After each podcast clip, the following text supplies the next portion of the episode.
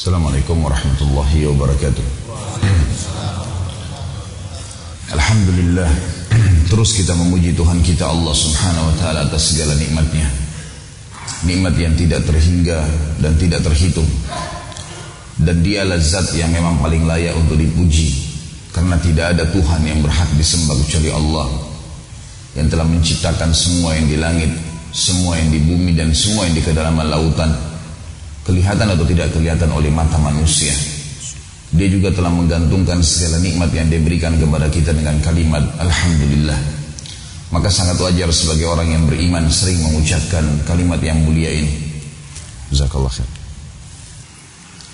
Jadi kita panjatkan senantiasa salam hormat kita kepada satu-satunya guru, kiai dan suri tola dan setiap orang yang beriman Nabi Muhammad sallallahu alaihi wasallam sebagaimana Allah dan malaikatnya telah memberikan salam kepada beliau. Dan sebagai balas jasa 23 tahun dari masa hidup beliau yang dihabiskan semua untuk agama ini 13 tahun fase Mekah semuanya diisi dengan hinaan, cacian. Puncaknya diusir dari kampung halamannya Mekah. Dan kita tahu bagaimana pedihnya bila seseorang diusir dari kampung halamannya. Dan juga 10 tahun di Madinah semuanya dengan jihad dan dakwah yang akhirnya Allah subhanahu wa ta'ala turunkan firmannya dalam surah Al-Ma'idah ayat 3 Al-yawma akmaltu lakum dinakum wa atmamtu alaikum ni'mati wa raditu lakumul Islam madina. Hari ini aku sempurnakan agama kalian, nikmat kepada kalian dan aku ridho Islam sebagai agama kalian. Maka sangat wajar sebagai pengikut yang setia kita selalu membacakan salam hormat, salawat dan taslim kepada Nabi sallallahu alaihi wasallam. Semoga Allah berkahi saudaraku seiman. Kita akan bahas pada subuh ini Hiduplah mulia dengan Islam.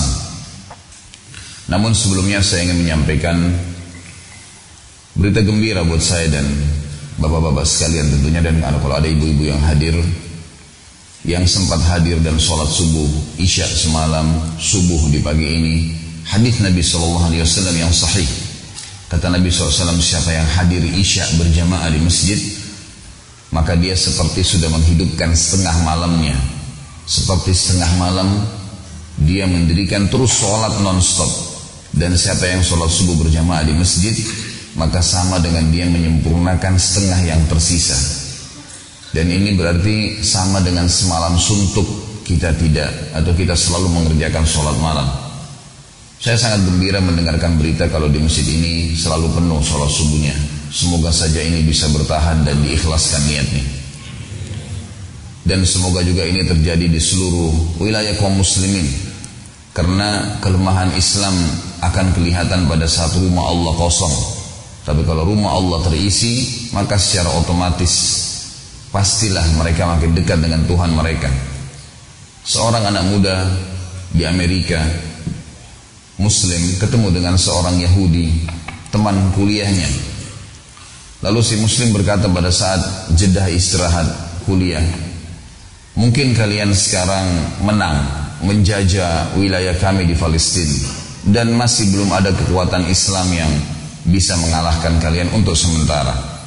Tapi kami yakin sebagai seorang muslim ada hadis Nabi kami yang berbunyi nanti di akhir zaman pada saat Dajjal keluar, Nabi Isa akan turun, akan terbunuh Dajjal di wilayah sana dan nanti kalian akan berserakan melarikan diri dari kaum muslimin sampai-sampai kalian sembunyi di bawah pohon dan di atas batu. Dan pohon dan batu itu akan berbicara hai muslim ini Yahudi bunuhlah dia. Ini perkataan si muslim kepada anak muda Yahudi tadi. Mengingatkan kalau umat Islam pasti akan menang. Si Yahudinya malah tertawa teman-teman sekalian.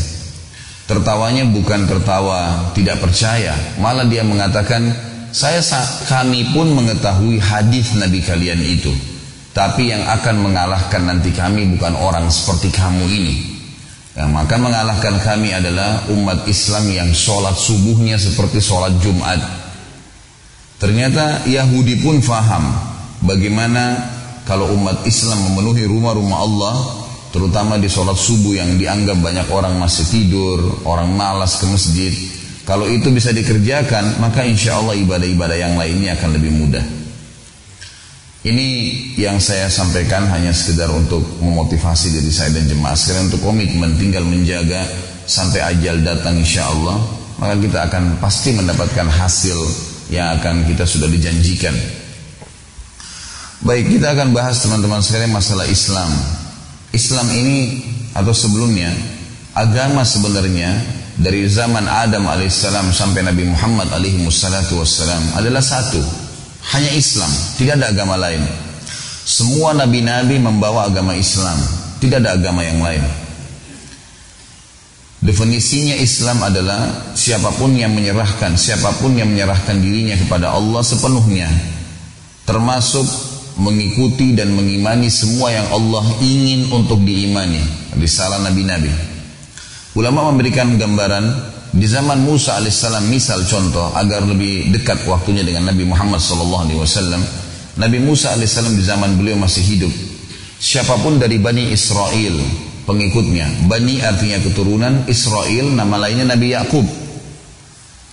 Maka semua yang dikatakan turunan Nabi Yakub Bani Israel di antaranya Musa alaihissalam. Maka Nabi Musa yang beriman pada risalah Nabi Musa pada saat itu beriman kepada Allah dan beriman kepada siapa pun yang telah Allah suruh beriman di antaranya nabi-nabi yang sezaman dengan Nabi Musa alaihissalam di antaranya Khidir yang masing-masing punya lokasi dakwah Musa alaihissalam di Mesir sementara Khidir di Turki maka dia dikatakan muslim.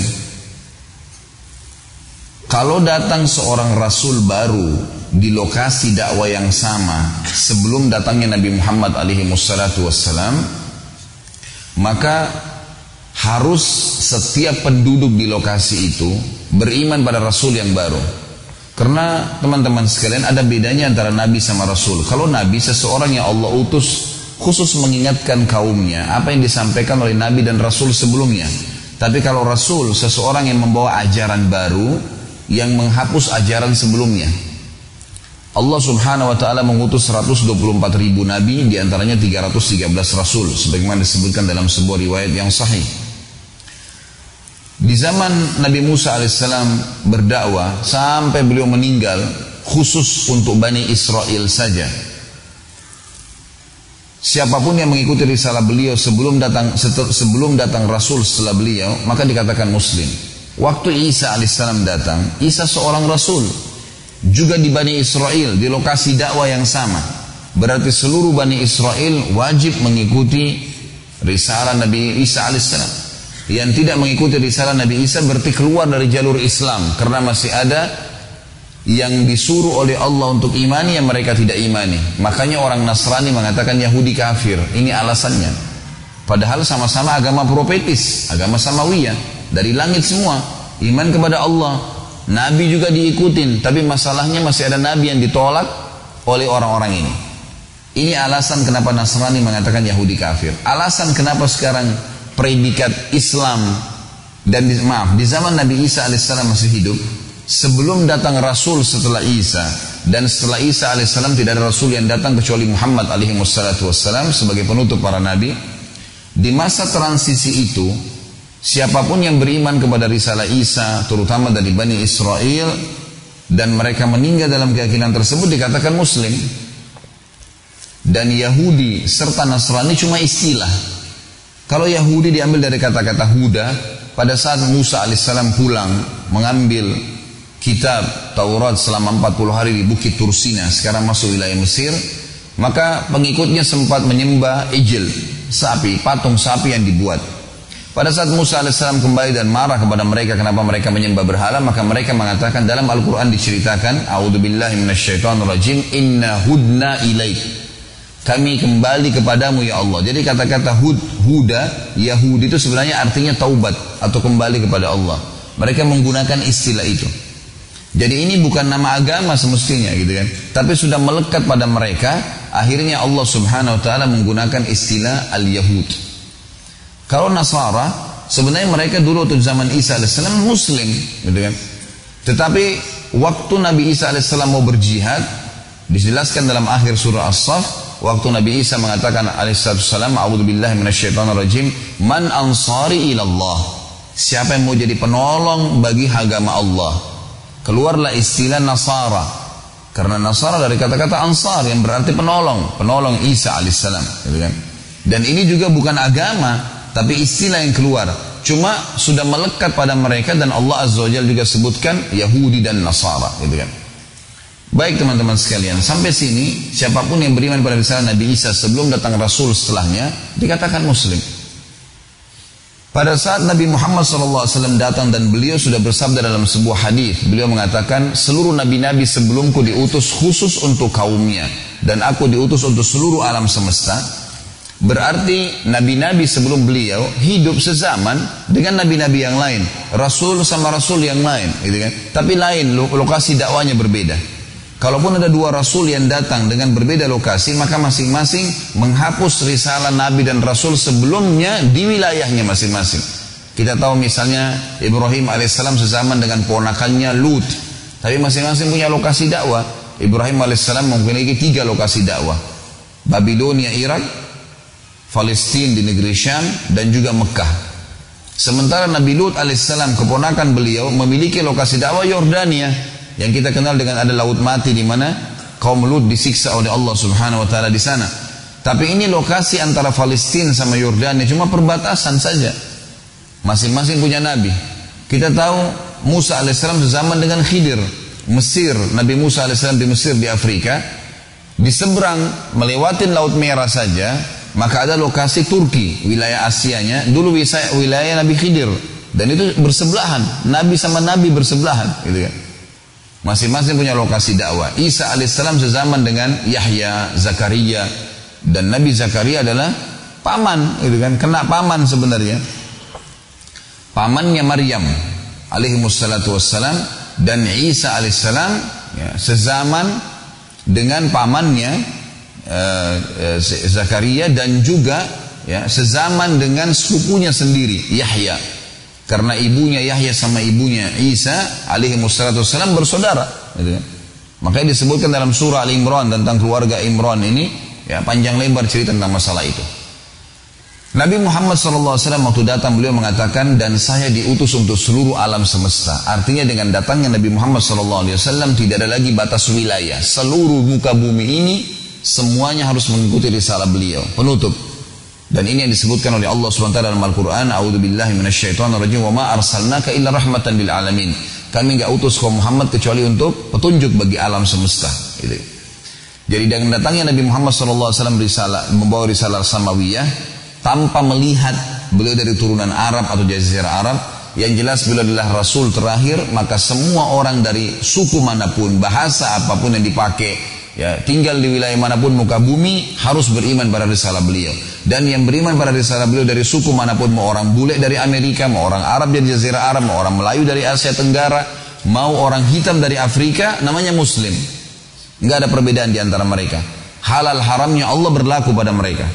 Dan Islam diberikan predikat untuk kita umat Muhammad SAW karena kita adalah umat yang mengimani Allah Subhanahu Wa Taala dan mengimani semua apa yang Allah suruh imani kita mengakui Isa alaihissalam adalah nabi. Musa alaihissalam nabi dan seluruh nabi-nabi. Karena Allah mengajarkan dalam akhir surah Al-Baqarah, La nufarriku baina ahadin min rusuli. Kita tidak akan membeda-bedakan untuk beriman kepada risalah semua rasul-rasul ya, yang telah diutus. Dan juga kita tahu rukun iman kita salah satunya iman kepada kitab-kitab dan iman kepada rasul-rasul. Kalau ada seorang muslim mengatakan Isa bukan nabi, dia bisa kafir. Makanya banyak teman-teman kita Nasrani, mereka faham kita membenci Nabi Isa alaihissalam. Ada seorang guru saya yang saya sangat hormati namanya Syekh Muhammad Jamil Zainu. Semoga Allah sembuhkan beliau lagi stroke sekarang di Mekah. Sebenarnya saya tidak pernah belajar langsung dari beliau, tapi saya suka otodidak baca buku-buku beliau dan banyak yang saya gunakan dalam ceramah saya di Indonesia. Dan saya tidak pernah temukan subhanallah ada guru seperti beliau, ada orang muslim satu-satunya yang saya temukan ya, yang menulis di bukunya, semua buku. Beliau punya karya kalau tidak salah 37 judul dan di buku di awal lembar bukunya beliau tulis setiap muslim punya hak untuk mencetak ulang buku ini.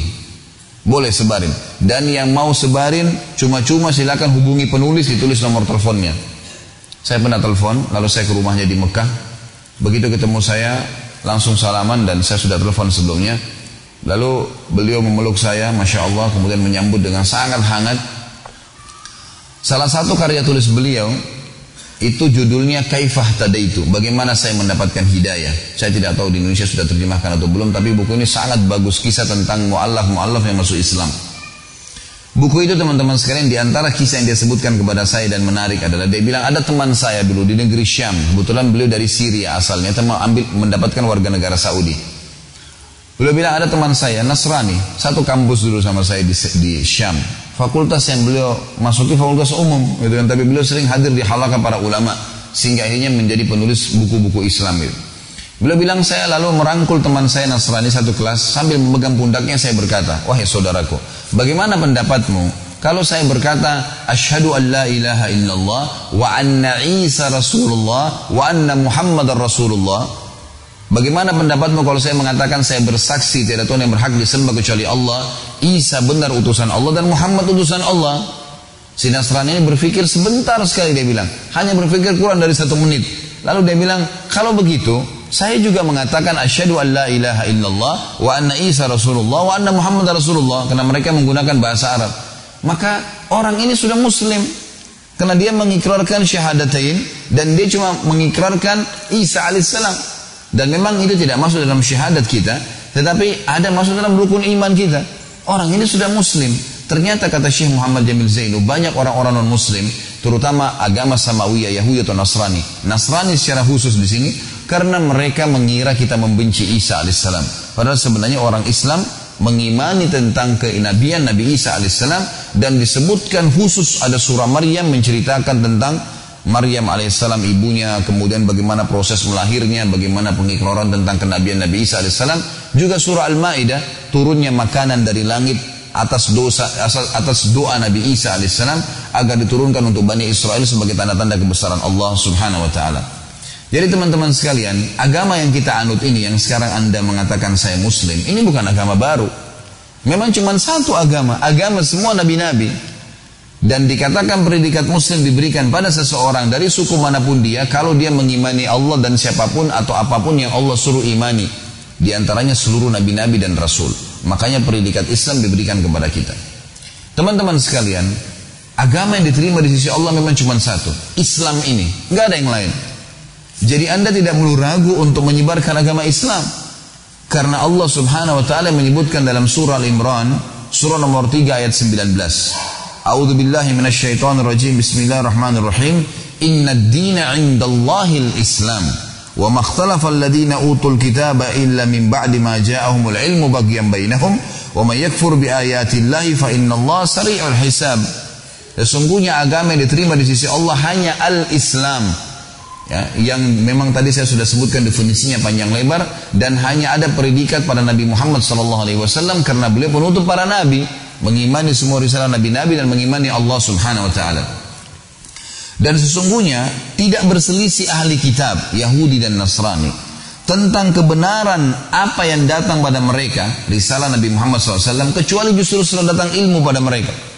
Ibnu Abbas berkata, tafsir surah Al-Fatihah ghairil maghdubi alaihim waladdallin Ya Allah bukan selamatkanlah kami Jangan jadikan kami termasuk orang-orang yang kau murkahi Maghdubi alaihim Waladdallin dan orang sesat Kata Ibnu Abbas sahabat Nabi yang mulia terkenal dengan uh, ulamanya para sahabat Beliau mengatakan maghdubi alaihim adalah Yahudi Allah murka pada orang-orang Yahudi Karena mereka tahu kebenaran mereka tidak mau Mengikuti risalah Nabi SAW dalam ayat lain Allah mengatakan ya'rifunahu kama ya'rifuna abnahum. Mereka mengenal siapa Nabi Muhammad SAW sebagaimana mereka mengenal anak-anak mereka. Karena dalam kitab Taurat disebutkan sampai ciri paras wajah Nabi, warna kulitnya, rambutnya, nama orang tuanya, seterusnya. Gitu kan. Waladhalin dan bukan orang-orang yang sesat. Ini dikatakan oleh Ibnu Abbas adalah orang-orang Nasrani. Karena mereka mau menyebarkan agama mereka tapi mereka dalam kondisi salah. Mengatakan Tuhan punya anak. Sementara konsep dasarnya Allah mengatakan dalam Al-Ikhlas empat ayat yang masyhur. Qul huwallahu ahad. Ikrarkan dengan fikiran kalian, dengan lisan kalian, yakini dengan hati kalian Allah itu Esa, tunggal. Allahu samad, Allah yang segala sesuatu bergantung padanya. Lam yalid wa lam yulad. Memang gak ada asasnya.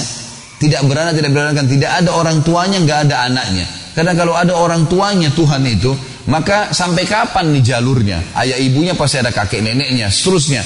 Siapa lagi yang awalnya? Memang Allah kat, tidak ada orang tuanya. Tidak ada anaknya, kalau ada anak maka ada cucu, ada cicit dan seterusnya. Sampai kapan nih? Lalu Allah mengatakan walam yakul lahu kufuwan ahad dan Allah segala itu bergantung padanya atau Allah tidak membutuhkan pada siapa pun.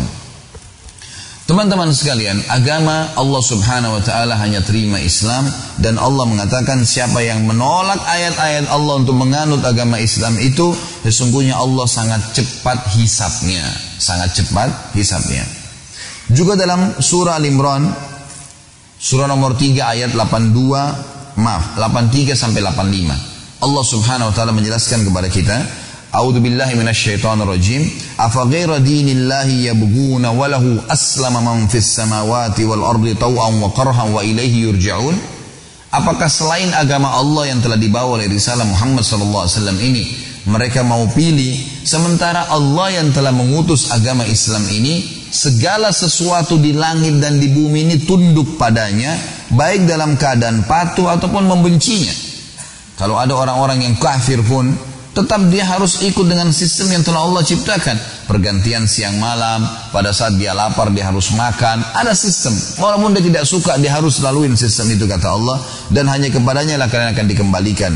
Lalu Allah berkata di ayat 84-nya, "Qul amanna billah." Katakanlah hai Muhammad kepada seluruh manusia, kami beriman kepada Allah dan katakan kepada ahli kitab Yahudi dan Nasrani wa ma unzila alaina? Dan apa yang telah diturunkan kepada kami Al-Qur'an wa ma unzila ala Ibrahim? Dan apa yang diturunkan kepada Ibrahim wa Ismail wa Ishaq wa Yaqub wal asbat. Yang, yang, yang diturunkan kepada Ismail kepada Ishak kepada Yakub dan juga kepada anak keturunannya wa ma utiya Musa wa Isa wan nabiyyuna min rabbihim la nufarriqu la nufarriqu baina ahadin minhum wa nahnu lahu muslimun dan apa yang telah diturunkan kepada Musa, Isa dan nabi-nabi yang diutus oleh Tuhannya dan kami tidak membeda-bedakan antara satu sama yang lain. Kami imani semua risalah mereka hanya yang diterapkan risalah Rasul yang terakhir dan kami menyerahkan diri wa nahnu lahu muslimun kami menyerahkan diri kepada Allah Subhanahu wa taala.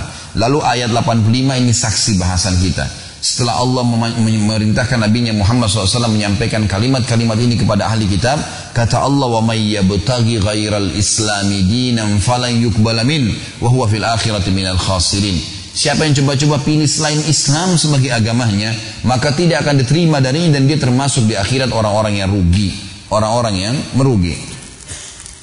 Juga teman-teman sekalian, Allah Subhanahu wa taala menyebutkan dalam ayat yang lain tentang masalah Islam ini dan kalau Allah menginginkan kebaikan pada seorang manusia maka Allah akan tuntun dia ke Islam. Sebagaimana dalam surah Al-An'am surah nomor 6 ayat 125. Allah Subhanahu wa taala berfirman, "A'udzu billahi minasyaitonir rajim, faman yuridillahu yahdiyahu yashrah sadrahu lil Islam." Al-ayat. Siapa yang Allah inginkan kebaikan untuknya, Allah akan lahirkan dia dalam keadaan Islam atau Allah akan berikan dia petunjuk setelah dia dewasa berada di atas agama Islam ini. Di dalam ayat yang lain surah Az-Zumar surah nomor 39 ayat 22 Allah juga menekankan yang menganut agama Islam ini baik lahir dalam keadaan Islam atau setelah dewasa dapat hidayah, petunjuk dan dia ikutin maka dia berada di atas cahaya Tuhannya. Cahaya yang diberikan untuk menuntun dia ke jalan yang benar. Kata Allah Subhanahu wa taala surah Az-Zumar surah nomor 39 ayat 22, A'udzu billahi minasyaitonir rajim. Afaman syaraha Allah sadrahu lil Islam fahuwa ala nurin min rabbih. Fawailun lil qasiyati qulubuhum min dzikrillah ulaika fi dhalalin mubin. Siapa yang Allah inginkan kebaikan untuknya, Allah lapangkan Islam di dadahnya, baik lahir dalam keadaan Islam ataupun dia mendapatkan hidayah setelah dewasa, maka dia berada di atas cahaya Tuhannya. Dan kecelakaanlah bagi hati-hati yang keras yang tidak mau mengikuti zikrullah. Kata para ulama zikrullah adalah agama Allah. Mereka dalam keadaan atau di dalam tempat yang sesat. Mereka di dalam kenyataan atau kesesatan yang jauh. Teman-teman sekalian Islam agama yang sempurna. Tidak ada rasisme dalam Islam Nggak ada lagi dalam Islam itu tradisi kecuali Islam. Dua hal ini yang paling mendasar menonjol dari agama yang telah Allah turunkan. Tidak ada rasisme. Tidak ada saya Arab, saya suku, saya bule, saya Jawa, saya Bugis. Nggak ada dalam Islam. Habis semuanya itu. Rasisme tidak ada. Buktinya kita kalau sholat di saf pertama, di saf kedua, siapa pun di sebelah kita, mau orang kulit hitam dari Afrika, mau orang Arab, mau orang Melayu, sama saja. Hukumnya berlaku sama. Dan sama syarat-syarat sholatnya. Tutup aurat hadap kiblat yang membatalkan sholatnya sama semuanya. Halal haramnya Allah berlaku. Haramnya mengkonsumsi babi bagi orang muslim di Indonesia haram juga di Amerika haram juga di Jazirah Arab. Nggak ada bedanya. Maka dalam Islam tidak ada rasisme. Dan ini perlu digarisbawahi teman-teman sekalian. Jangan pernah munculkan rasisme sedikit pun. Tidak boleh. Haram dalam agama. Dalam sebuah riwayat sahih dikatakan dan ini harus dibangkitkan tidak boleh ada rasisme. Terus saya ulangi kalimat ini teman-teman sekalian karena yang mematikan umat Islam justru kena rasisme. Saya dari suku ini, saya dari sini, kamu pendatang, saya orang di sini. Ini semua tidak ada dalam Islam. Semua ini buminya Allah dan Allah membuat beragam suku, macam bahasa, ya, perbedaan fisik, para wajah, warna kulit ini untuk variasi kehidupan agar orang-orang manusia ini sadar ada penciptanya Allah yang memiliki keajaiban yang luar biasa. Dalam sebuah riwayat sahih, renungi baik-baik riwayat ini teman-teman sekalian. Pernah satu kali habis sholat asar, ada seorang dari Ansar, dari asli orang Madinah, sahabat Nabi mulia. Selesai sholat asar, lagi ngumpul-ngumpul, ngobrol-ngobrol di depan masjid Nabi SAW. Lalu ada satu orang dari Ansar bercanda, cuman bercanda. Dia bilang sama teman-teman dari Ansar asli Madinah, yuk orang Ansar ke sini yuk kita kumpul-kumpul. Sama misalnya kalau orang lagi di Bali sini mengatakan, ayo orang Bali di sini yuk kita ngumpul, gitu kan. Lalu sambil bercanda dan dia mengatakan orang muhajirin nggak boleh ikut-ikut ya. Ini pendatang nih muhajir dari Mekah jangan ikut-ikut ke sini. Tapi sambil ketawa gitu bercanda. Teman-teman dari muhajirin juga melihat hal yang sama.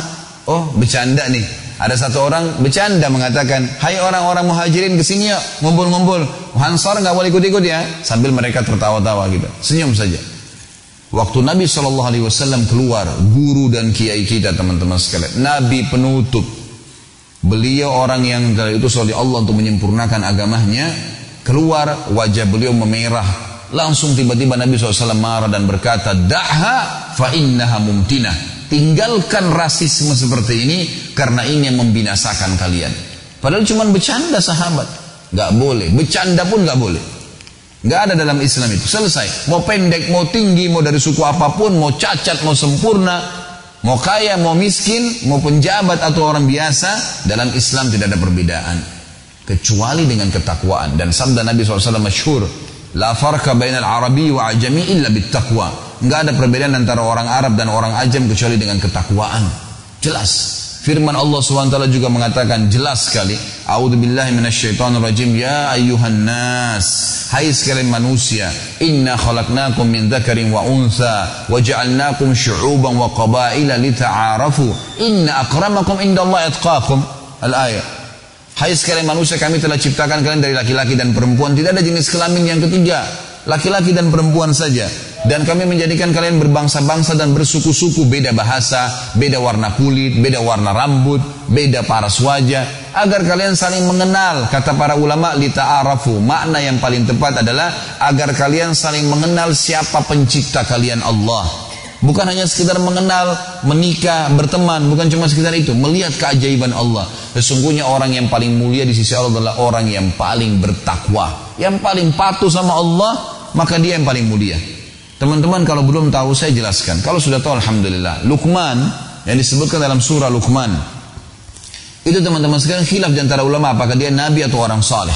Tapi yang jelas disebutkan ciri Lukman dalam beberapa riwayat orangnya dari dari dari dari padang pasir Afrika. Kulitnya hitam pekat, badannya gemuk, orangnya pendek. Ini bukan aib bagi beliau. Tapi Allah subhanahu wa ta'ala sebutkan namanya dan kekalkan dalam Al-Quran. Gitu kan. Ini luar biasa karena ketakwaannya.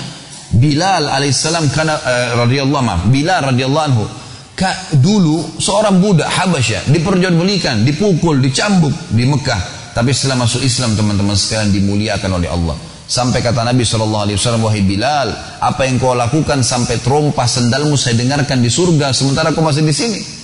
Kata Bilal radhiyallahu anhu sambil menangis ya Rasulullah, saya tidak kerjakan apa-apa kecuali setiap habis uduk saya selalu kerjakan sholat dua rakaat sampai keluarlah sunnah uduk itu. Tapi di sini kita lihat Allah SWT muliakan. Umar bin Khattab pernah mengutus Bilal kepada Khalid bin Walid di panca peperangan dari Madinah. Kata Umar, wahai Bilal, pergilah ke sana. Sengaja Umar bin Khattab mengutus Bilal, pergilah ke sana. Karena di pasukannya Khalid bin Walid ini banyak ikut orang-orang Quraisy Karena dianggap Khalid bin Walid ini adalah orang yang dulu orang kaya raya, pejabatnya Mekah, sekarang masuk Islam, maka banyak orang yang mau ikut di pasukannya karena dianggap dia orang punya kedudukan di jahiliyah dan juga sekarang gitu kan. Mulailah muncul sedikit rasisme, muncul sedikit perasaan lebih baik. Gitu. Maka Umar radhiyallahu mendengar itu, Umar ingin menghancurkan rasisme ini. Dia utus Bilal dari Madinah. Kebetulan sampai informasi ke Umar radhiyallahu anhu bahwasanya Khalid bin Walid berkhianat dalam masalah ghanimah. Ada ghanimah yang disembunyikan. Padahal ini cuma dusta, fitnah. Umar radhiyallahu sudah tahu siapa Khalid bin Walid. Gak mungkin. Ini sahabat Nabi yang mulia, jujur, amanah. Tapi Umar ingin menunjukkan sebuah poin yang lain. Maka Umar Allah mengutus Bilal, mengatakan Bilal bawa surat ini kepada Khalid bin Walid di sana. Dan ingat, jangan bacakan surat ini kecuali kau sampaikan kepada dia salam saya dan katakan Amir Mu'minin bin Khattab menyuruh engkau wahai Khalid meletakkan pipimu di tanah dan disuruh aku meletakkan kakiku di atas pipimu. Bilal waktu dengar itu, ya Amir Mu'minin, ini perbuatan yang berat.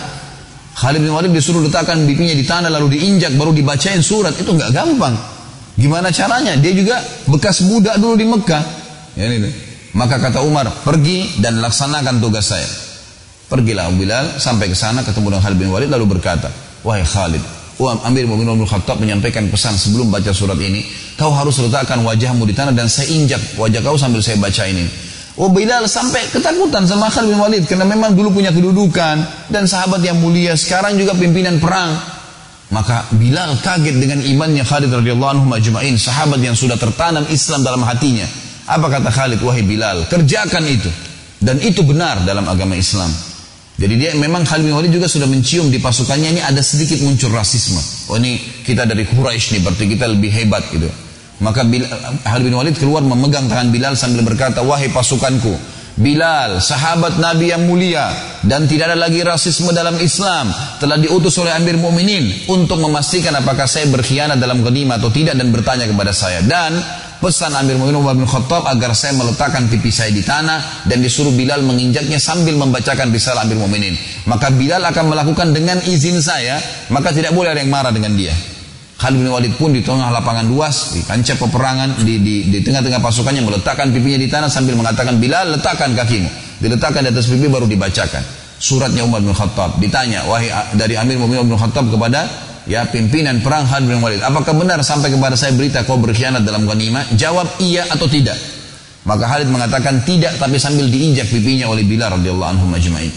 Maka pada saat itu pun Eh, Bilal mengangkat kakinya dan mengatakan berdirilah hai Khalid dan semoga Allah memuliakanmu. Tapi kita lihat teman-teman sekalian bagaimana para sahabat memang menghancurkan rasisme.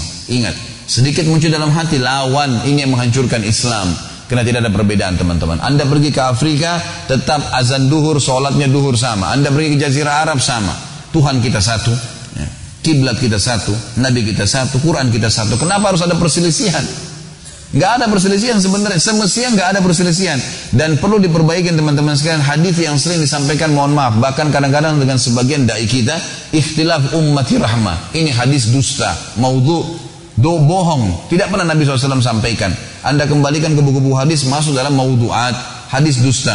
Masa Nabi SAW mengatakan ikhtilaf umatku rahmah? Dari mana ini?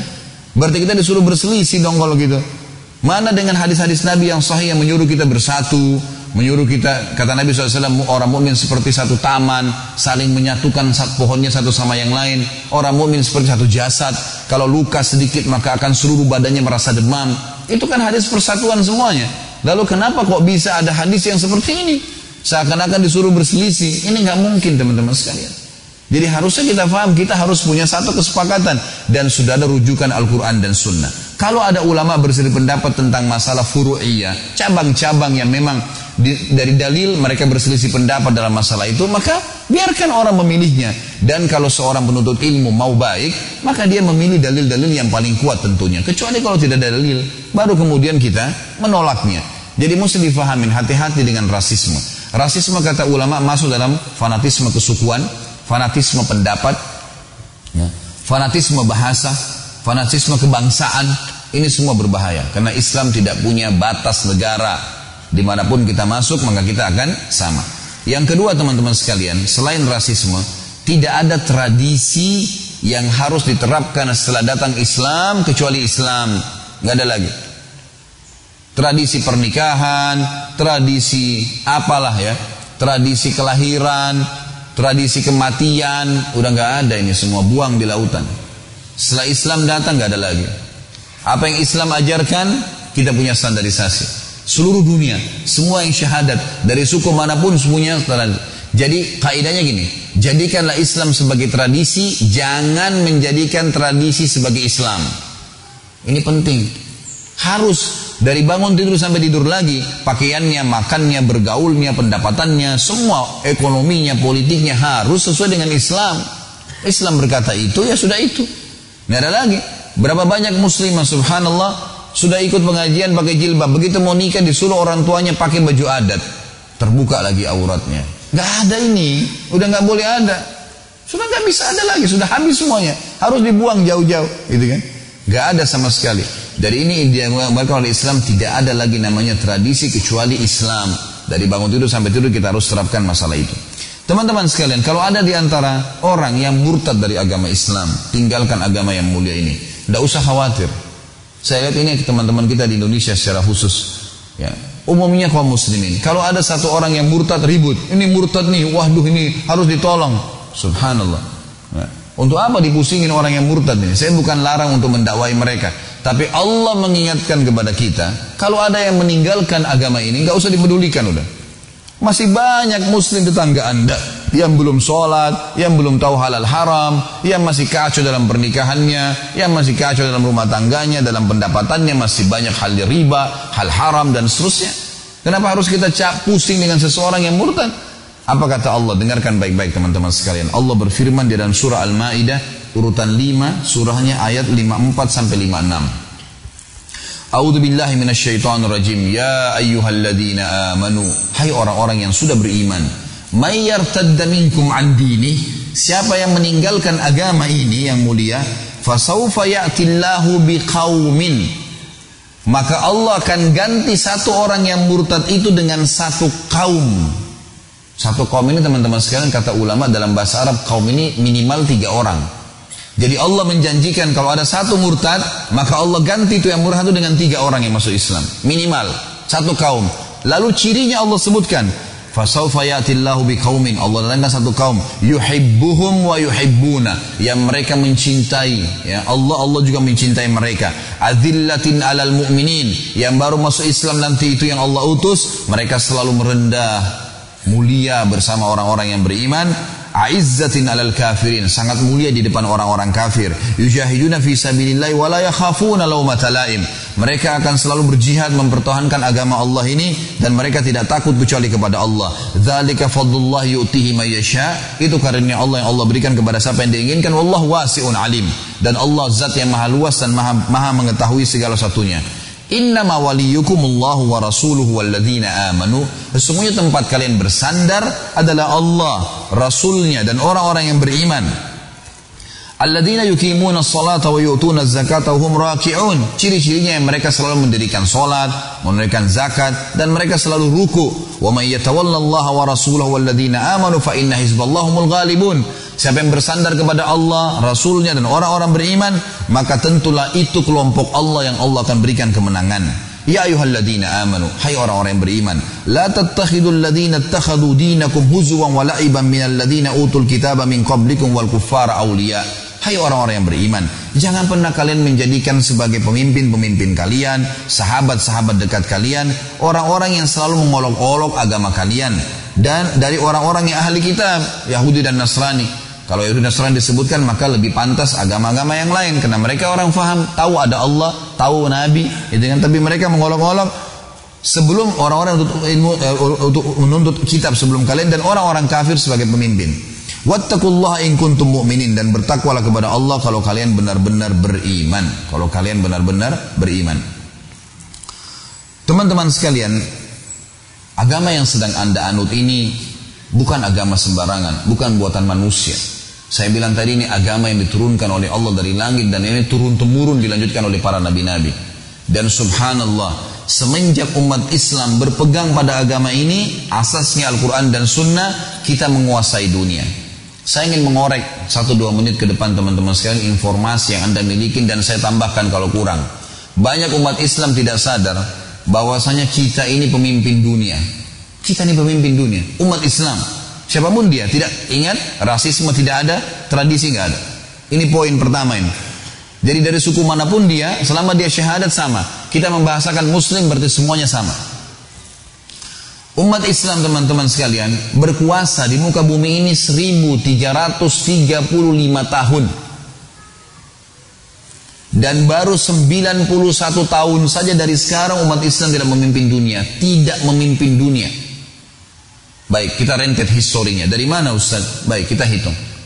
Sekarang teman-teman sekalian di hari ini, Anda berada di tahun 1437 Hijriah. Betul gak? 1437 Hijriah. Tadi saya bilang kita berkuasa di muka bumi ini 1335 tahun. Ya, kurang lebih 91-92 tahun saja kita tidak berkuasa. Dari mana rentetan historinya? Coba kita hitung. Tahun Hijriah teman-teman sekalian itu dihitung dari hijrahnya Nabi Muhammad SAW ke Madinah. Benar nggak? Kok nggak ada nyaut nih? Masih hidup nggak? Baik. Teman-teman sekalian, tahun 1 Hijriah, hijrah Nabi Shallallahu Alaihi Wasallam, dan itu pertama sekali Nabi Shallallahu Alaihi Wasallam mendirikan negara Islam di Madinah. Beliau Nabi dan rajahnya penerap hukum hukum Allah Subhanahu Wa Taala. Kita tahu Nabi SAW cirinya Nabiyin ummi, Nabi yang buta nggak bisa baca nggak bisa nulis. Yang diterapkan adalah Al-Quran dan sunnahnya, sunnah beliau Wasallam. Sampai tahun 11 Hijriah. Awal tahun 11 Nabi SAW meninggal dunia. Kemudian datang Khalifah Rashidah yang pertama Abu Bakar. Dari tahun 11 sampai tahun 13. Setelahnya datang Umar bin Khattab dari tahun 13 sampai 23. Dan di zaman Umar bin Khattab ini setengah dunia dikuasai oleh Islam. Karena tahun 14 Hijriah terjadi perang Yarmuk. Ekspansi Islam ke wilayah Syam, utara Jazirah Arab. Palestina, Syria, Lebanon dan Yordania dan bagian as, as, bagian Asia dari Turki serta Amr bin As radhiyallahu anhu ajma'in sahabat ekspansi juga Islam ke Mesir. Jadi seluruh utara Jazirah Arab itu sudah masuk Islam, masuk juga bagian baratnya Jazirah Arab, Afrika, Mesir, kemudian Afrika Utara, Tunis, Jazair, Maroko, suku Barbar masuk Islam. Di tahun 15 Hijriah, Umar bin Khattab mengutus pasukan lain dipimpin oleh Sa'ad bin Abi Waqqas menuju ke wilayah Persia, wilayah timur Jazirah Arab. Irak, Iran, Afghanistan, sebagian wilayah India dan juga sebagian besar wilayah Rusia. Ini takluk di tangan kaum muslimin. Dan akhirnya kita tahu, ya kalau bapak-bapak ibu belum tahu maka saya sampaikan. Kalau sudah tahu Alhamdulillah. Enam orang periwayat hadis kita dari negeri Syam, dari negeri Persia Bukhari, Muslim, Abu Dawud, Tirmidzi, Ibnu Majah, Nasai. Ya. Ini semuanya dari wilayah Persia, ya. Irak, Iran, Afghanistan semua. Karena ekspansi Islam yang luar biasa sampai ke sana. Jadi di zaman Umar bin Khattab tahun 14 sampai tahun 15 Hijriah terbuktikan mukjizat Nabi Muhammad SAW waktu perang Ahzab. Surah Al-Ahzab surah 33 menjelaskan masalah itu kita kenal dengan perang Khandak Pernah satu waktu ada batu yang tidak bisa hancur, maka para sahabat mengatakannya Rasulullah coba lihat batu tersebut. Nabi SAW datang lalu Nabi SAW menghantam dengan keras, ya dengan kampak beliau. Akhirnya batu tersebut pecah dan mengeluarkan cahaya. Lalu beliau bertakbir, Allahu Akbar. Ya. Kemudian bila hantam yang kedua kali tak keluar cahaya lagi, Allahu Akbar sampai tiga kali. Lalu kata para sahabat ya Rasulullah, kenapa tadi cahaya itu keluar? Kata Nabi SAW, apakah kalian lihat cahaya itu? Mereka bilang iya. Sesungguhnya Allah menjanjikan, Allah memperlihatkan kepada saya di pukulan pertama, bahwasanya kerajaan eh, kerajaan Syam, Bizantium Romawi takluk di tangan umatku. Dan takbir yang kedua, cahaya yang kedua adalah Persia di tangan umatku dan yang ketiga adalah Yaman di tangan umatku. Dan sekarang terbukti semuanya, gitu kan? Baik, Umar bin Khattab meninggal tahun 23 Hijriah teman-teman sekalian dipimpin oleh Uthman bin Affan setelahnya. Uthman bin Affan juga mengekspansi Islam tapi lebih banyak di, mempertahankan wilayah kaum muslimin dan mengirim dai-dai. Dan perlu anda tahu secara histori Indonesia ini dimasukin Islam di zaman Uthman bin Affan.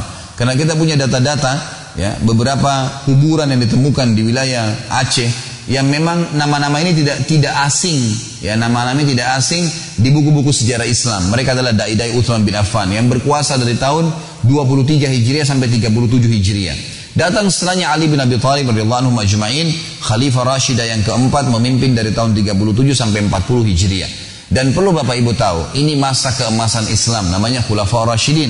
Ya, Perlu kita ketahui Abu Bakar, Umar, Uthman, Ali tidak pernah punya ijazah politik dari Amerika. Bahkan Amerika tidak dikenal pada saat itu. Nggak punya ijazah ya, ekonomi dari Eropa. Tapi bagaimana mereka bisa memimpin? Apakah masuk akal teman-teman sekalian mereka tidak punya cara pengaturan ekonomi yang baik? Tidak punya tatanan masyarakat, pengaturan sosial yang baik? Tidak punya sistem politik yang baik? Ini karena kita tidak paham saja nih. Mereka itu orang-orang badui dari Mekah tapi mereka bisa memimpin dunia pada saat itu. Apakah hanya ekspansi begitu saja? Enggak, saudara. Ada sistem yang sudah Allah turunkan dan ini sebaik-baik sistem. Setelah itu, Khulafaur Rasyidin berdiri dinasti pertama dalam Islam namanya Umayyah. Umayyah ini teman-teman sekalian berdiri dari tahun 41 Hijriah, tepatnya 40 Hijriah, akhir 40 Hijriah sampai 132 Hijriah. Dan wilayah kekuasaan ibu kotanya di negeri Syam. Tepatnya antara Syria dengan Palestina. Kemudian datang setelahnya dinasti Abbasiyah dari tahun 132 Hijriah sampai 656 Hijriah, 656 Hijriah dan takluk di tangan Mongolia pada saat itu lalu berdiri dinasti terakhir Islam 670 Hijriah sampai 1335 Hijriah tepatnya dikenal dengan Turki Utsmaniyah gitu kan. Turki Utsmani ini baru berubah dari khilafah menjadi republika itu di tahun 1924 Masehi. Kurang lebih 91-92 tahun yang lalu saja. Sebelumnya ya mereka memimpin dunia. Sebelumnya dan subhanallah begitu Turki ikut-ikutan dengan negara-negara Islam lain, mereka menghapus khilafah di tangan Kamal Ataturk, nggak ada lagi hukum dengan Al-Quran dan Sunnah ini yang membuat kita terlambatlah, ini yang membuat beginilah, azan diubah, dimunculkan rasisme. Ya azan itu bahasa Arab, kenapa harus bahasa Arab? Harus diubah jadi bahasa Turki, gitu kan? Semua diubah. Jilbab itu tradisi orang Arab, nggak usah dipakai. Jadi dihapus, dimunculkan rasisme kembali. Akhirnya Islam ditinggalkan dan sekarang sudah mulai di Indonesia nih. Ada Islam Nusantara, gitu kan? Mulai muncul ngawur nih, gitu kan? Akhirnya nanti azan pakai bahasa Indonesia. Nanti setiap wilayah pakai bahasa, orang Jawa pakai bahasa Jawa azannya, orang Bugis pakai bahasa Bugis. Ini sudah ke mana-mana nih. Muncul lagi seperti yang dimunculkan oleh mereka. Saya sudah bilang dari awal, jangan ada rasisme. Gitu kan. Bahasa Arab digunakan karena Allah turunkan Al-Quran dalam bahasa Arab. Maka kita pelajari bukan karena orang Arabnya. Bukan karena orang Arab ini cuma variasi kehidupan. Nggak ada fan fanatisme di situ.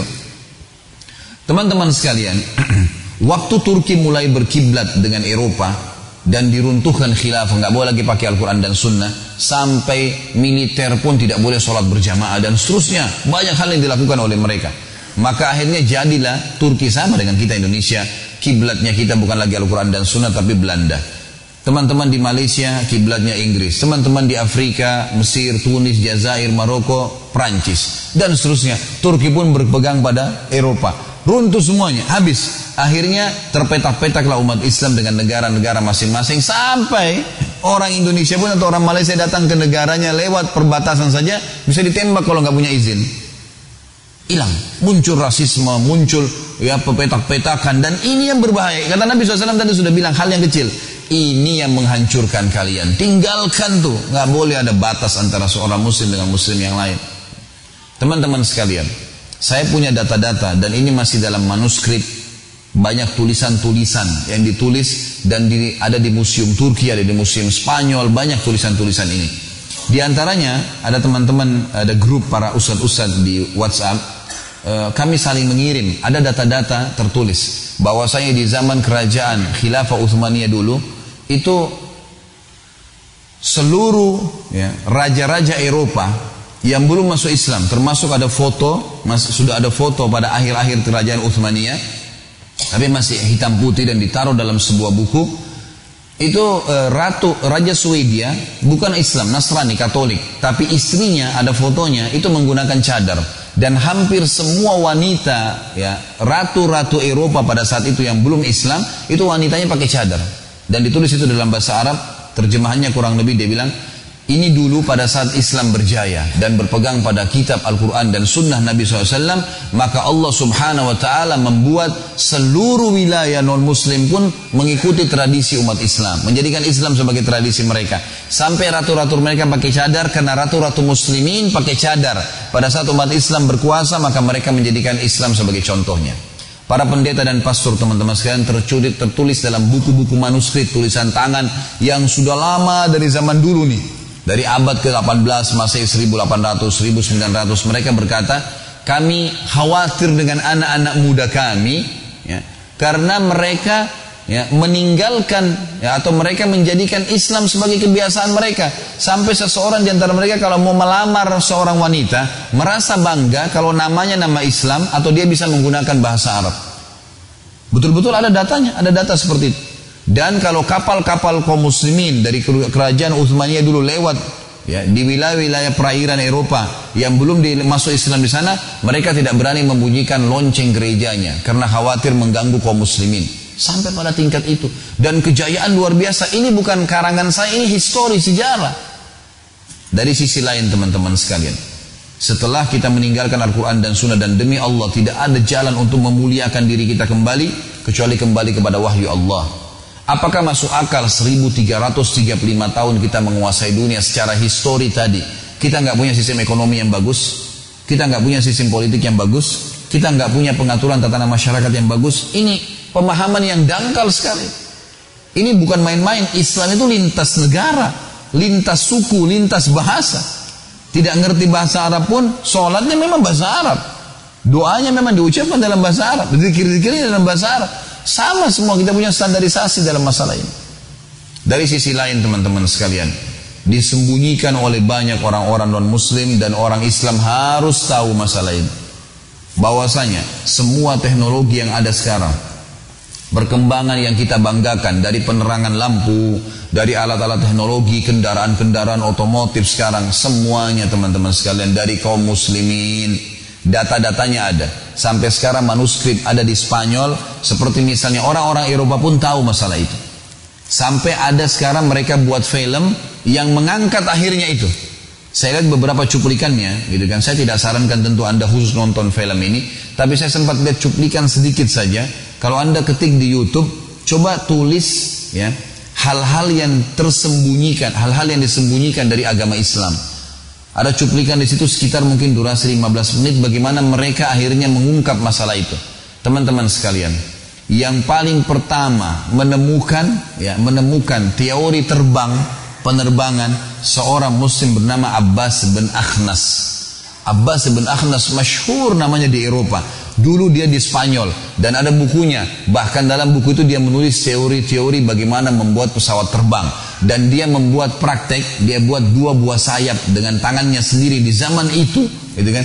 Dan dia sempat loncat dari atas gunung sampai mendarat di daratan di bawah tidak meninggal dunia. Dan teori ini diambil pada saat Spanyol jatuh, jatuh di tangan kerajaan ya Bizantium Nasrani pada saat itu Akhirnya umat Islam menghidupkan dari Spanyol. Buku ini diambil terjemahkan oleh dua ilmuwan dari mus, dari dari dari Inggris dan akhirnya dicatatlah dalam sejarah manusia mereka menemukan pesawat. Padahal ini jelas faktanya ada. Yang kedua, kita tahu ilmu matematika yang masyhur. Ada yang mereka bisa hapus, ada yang mereka tidak bisa. Ini tidak bisa mereka hapus. Akhirnya mereka cuma mengatakan ilmu aljabar. Aljabar dari mana? Nama seseorang muslim dari Spanyol namanya Abdul Jabbar. Ahli matematika yang paling masyhur. Sampai sekarang mereka tidak bisa hapus namanya. Ada yang menemukan lampu yang kita tahu Thomas Edison. Padahal sebenarnya dia menerjemahkan buku yang ditulis oleh Al-Jaziri, masyhur. Dan teori Al-Jaziri menemukan lampu, menemukan otomotif, menemukan pesawat terbang, menemukan mesin-mesin, dan seterusnya. Dan cukup banyak ilmuwan-ilmuwan muslim yang tidak ya, disebutkan nama-namanya. Belum kita bicara masalah ilmu alam, belum bicara ilmu lautan. Mereka sudah pelajarin semua. Dan sampai sekarang teman-teman sekalian di Eropa yang paling dibanggakan oleh orang-orang Eropa justru peninggalan bangunan kaum muslimin. Seperti di Spanyol yang paling terkenal jembatan yang dibuat oleh dulu kerajaan Islam, ya bangunan-bangunannya. Sampai sekarang kalau Anda punya kelebihan rezeki Anda bisa ikut paket umroh sekalian ke Cordova, melihat peninggalan Islam di Spanyol. Luar biasa. Bangunan-bangunan mereka sekarang dibanggakan oleh kerajaan oleh pemerintahan Spanyol itu sendiri. Kemudian teman-teman sekalian kita tutup dengan kisah-kisah. Orang yang masuk dalam agama Islam ini teman-teman sekalian adalah orang-orang yang pintar. Ada orang bodoh masuk Islam ada. Tapi kita melihat sisi yang lain. Bahwasanya rata-rata yang masuk ke agama Islam ini orang-orang pintar. Dan kita punya fakta sejarah. Sekali lagi. Ini fakta, lapangan. Ini bukan dikarang-karang. Bukti. Dan subhanallah. Yang tinggalkan agama Islam ini rata-rata orang bodoh. Kalau sedikit saja dia punya iman, sedikit saja dia belajar Islam, tidak mau tinggalin agama Islam sampai mati. Gitu. Walaupun tidak sholat, siap bela agama Islam. Tapi orang-orang non-muslim yang pintar-pintar masuk Islam. Saya sebutkan beberapa kisah. Yang pertama teman-teman sekalian, kisah seorang profesor spesialis kulit dari Muantai. Orang ini, ini kisah sekitar mungkin tujuh tahun yang lalu. Diangkat dalam media-media di internasional dan menghebohkan dunia kedokteran. Karena ini orang dituakan sekali dalam ilmu spesialis kulit. Dia setiap tahun teman-teman sekalian mengundang seluruh dokter-dokter spesialis kulit di dunia untuk datang, lalu dia menyampaikan penemuannya yang terakhir, seminar. Pada tahun, pada tujuh tahun yang lalu ini, dia sempat mengundang dua orang dokter muslim spesialis kulit dari Mesir. Salah satunya, dokter muslim ini sering ikut pengajian para ulama di Mesir. Jadi dia selain dokter, juga dia alim, dia tahu ilmu-ilmu agama. Pada saat tiba di sana di sebuah auditorium yang besar hadir ya ratusan bahkan mungkin ribuan dokter spesialis kulit dunia, dokter-dokter spesialis ini kalau dalam ilmu kedokteran terus kita tahu. Kalau jurusan lain berarti sudah pasca sarjana S2, S3 gitu kan. Sudah dianggap top dalam masalah akademik. Ringkas cerita adalah dia naik di podium profesor lalu berkata, "Saya baru menemukan dengan teknologi tercanggih sekarang, ternyata yang memberikan rasa sakit bagi manusia adanya urat-urat saraf yang halus sekali dan jumlahnya miliaran banyak sekali tidak terhitung yang melengket di kulit manusia. Kalau urat saraf ini bisa ditaklukkan dengan obat-obat bius misalnya maka akan membuat bedah itu lebih mudah.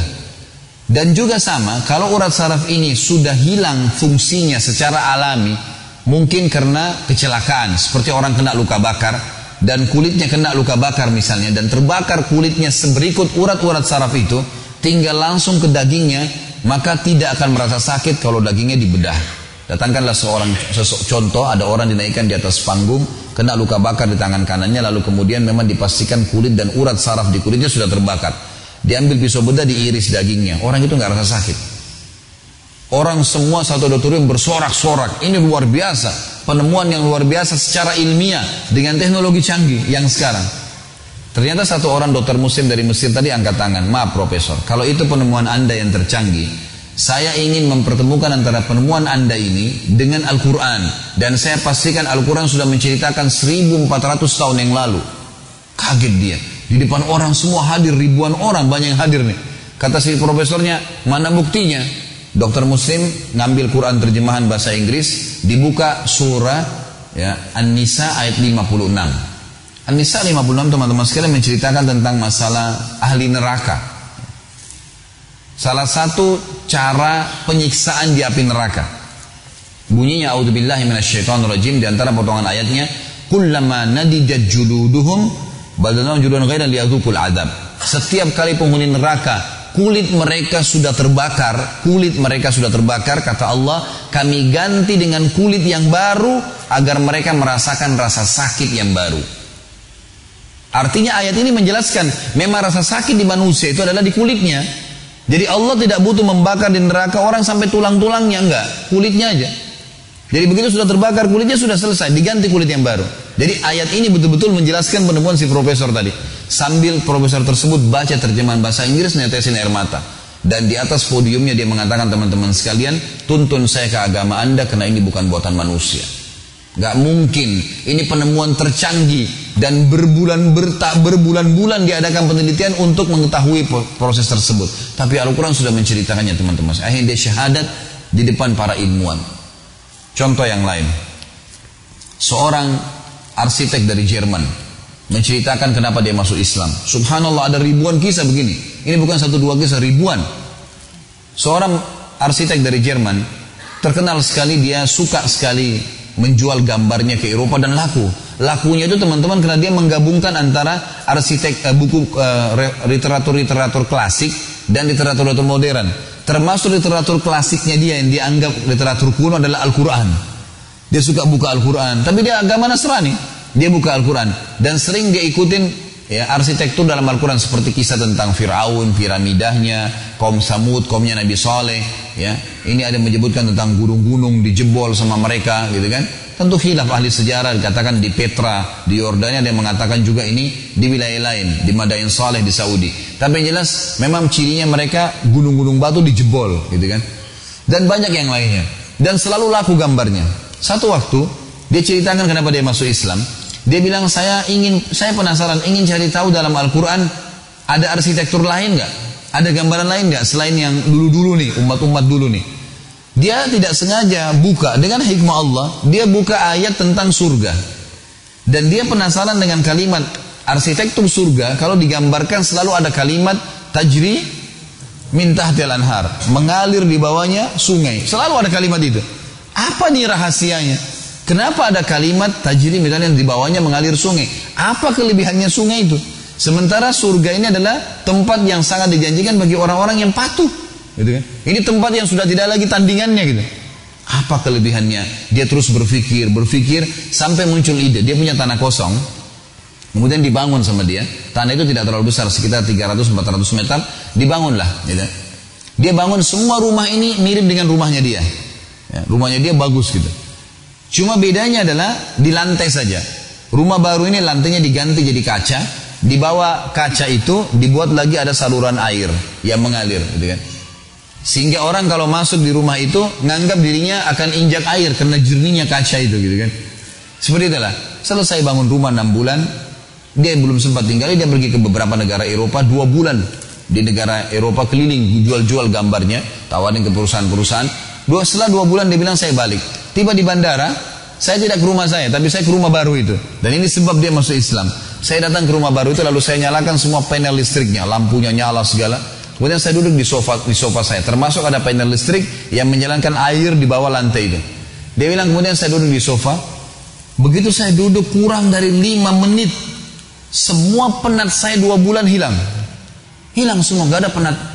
Saya penasaran kira-kira apa penyebabnya nih. Belum minum, belum makan, belum istirahat, cuma duduk saja. Saya lihat gambar wallpaper yang ada di tembok saya sama dengan wallpaper rumahnya. Lampu mewah-mewah tapi sudah ada di rumahnya. Semua diperhatikan satu-satu.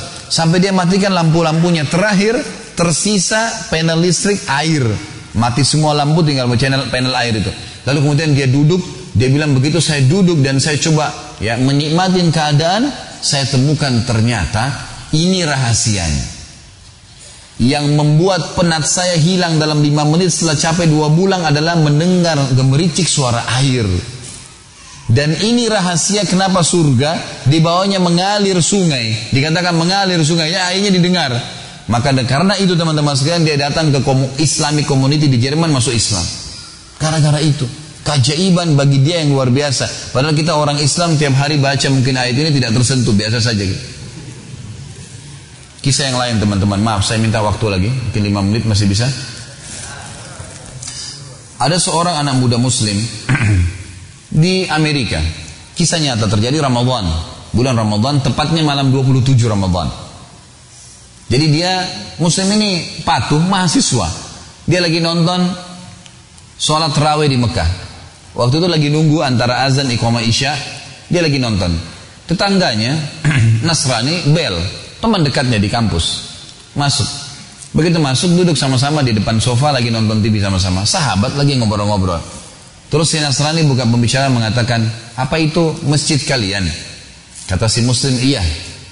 Dan kita tahu tentu bapak-bapak dan ibu yang sering nonton Ramadan apalagi malam 27 itu seperti haji. Manusia seperti semut banyaknya di masjid haram gitu kan? Luar biasa gitu kan Apalagi kamera diambil dari pelat, dari atas pelatarannya kena bagian tempat sa'inya, tempat tawafnya penuh manusia, gitu kan. Luar biasa nih malam 27 orang anggap Lailatul Qadar gitu kan. Jadi penuh. Maka kata si muslim kepada temannya Nasrani, menurut kamu berapa orang itu jumlahnya yang sedang kamu lihat sekarang? Kata dia, kayaknya sih ini jumlahnya ratusan ribu orang. Gitu. Kata si muslim, karena dia lihat orang seperti semut banyaknya gitu kan. Kata si muslim, ini diprediksi sekitar satu setengah juta orang. Karena masjid ini bisa nampung sama jalan-jalannya, pelataran semua sampai sejumlah itu. Banyak sekali. lalu kata, si Nasrani diam. Lalu si muslim bilang, menurut kamu, ini cuma diskusi biasa. Si muslim tidak ada niat untuk mengislamkan dia gitu kan. Dia mengatakan, menurut kamu, masuk akal nggak? Kalau manusia sebanyak ini bisa diatur dengan satu instruksi. Satu instruksi saja keluar, ini rapi semua, patuh, nggak ada yang melanggar. Kata si Nasrani nggak mungkin, nggak masuk di akal. Gimana caranya? Satu instruksi mengatur manusia sebanyak ini, apalagi tidak saling kenal satu sama yang lain. Gitu. Kata si Muslim, saya jamin kamu kurang dari setengah menit semua ini jadi patuh, satu instruksi. Kata si Nasrani, bagaimana ceritanya? Coba tunggu sebentar. Kebetulan waktu itu nunggu antara azan dan iqamah isya. Gak lama kemudian iqamah isya. Setelah iqamah, Syekh Sudes datang, ucapin satu kalimat, istau. Hmm. Kita umat Islam sudah sering dengar nih, gitu kan. Tahu. Kemudian orang semua tiba-tiba jadi rapi. Yang duduk berdiri, yang lagi jalan masuk di saf, yang lagi makan berhenti makan, semua jadi rapi. Kena kamera, gitu kan. Rapi semuanya. Kemudian satu instruksi lagi, Allahu Akbar. Semua ikut. Gak ada yang berani melanggar. Kita tahu orang Islam kalau melanggar imam batal sholatnya gitu. Tapi ini kita mungkin tiap hari lihat sholat karena sudah tiap hari dan tidak tahu akhirnya biasa saja. Bagi orang non muslim ini satu hal yang luar biasa. Lalu kemudian satu instruksi baca ayat semua dengar, nggak ada yang berani bantah, gitu kan. Kemudian ruku Allahu Akbar, ruku semua nggak ada yang berani angkat kepalanya. Angkat kepala berarti diubah dari jadi kepala keledai, gitu kan. Hadis Nabi mengatakan itu mendahului imam diubah jadi kepala keledai, gitu kan. Jadi kita tahunya itu, tapi mereka nggak lihat. Sami Allahu liman hamida sama. Sampai salam, satu instruksi. Udah selesai salam. Si muslim ini rupanya lagi asyik nonton. Memang dia lagi tunggu itu. Dengarin ayat, lihat keajaiban ramenya orang gitu kan. Dia lagi asyik. Kemudian setelah saya salam dia bilang sama, eh maaf ya sama teman Nasrani. Saya lupa tadi, kamu mau minum apa? Kalau kami Islam kan lagi puasa. Ditanya saya Nasrani diam, matanya masih lihat ke layar TV. Setelah selesai salam baru bubar semua nih. Dua kali ditanya, kamu minum apa, mau makan apa? Diam. Tiga kali ditanya, diam. Kemudian si Nasrani balik ke muslim, dia bilang, tuntun saya masuk ke agamamu. Ini nggak mungkin buatan manusia. Ini nggak mungkin buatan manusia. Nggak ada manusia bisa diatur rapi begini kecuali memang ini ada campur tangan Tuhan. Syahadat gara-gara saf solat. Ini. Lihat keajaiban yang terjadi dan ada banyak teman-teman sekalian kisah yang seperti ini luar biasa. Saya akan tutup teman-teman sekalian eh, pertemuan kita ini dengan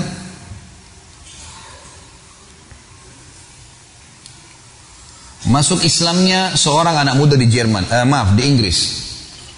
Jadi ada seorang syekh dari Saudi datang, kemudian diterjemahkan dalam bahasa Inggris di satu masjid. Gitu. Ya. Selesai ceramah tentang Islam, kemudian Islam, gitu kan, mengajak orang untuk menyebarkan Islam.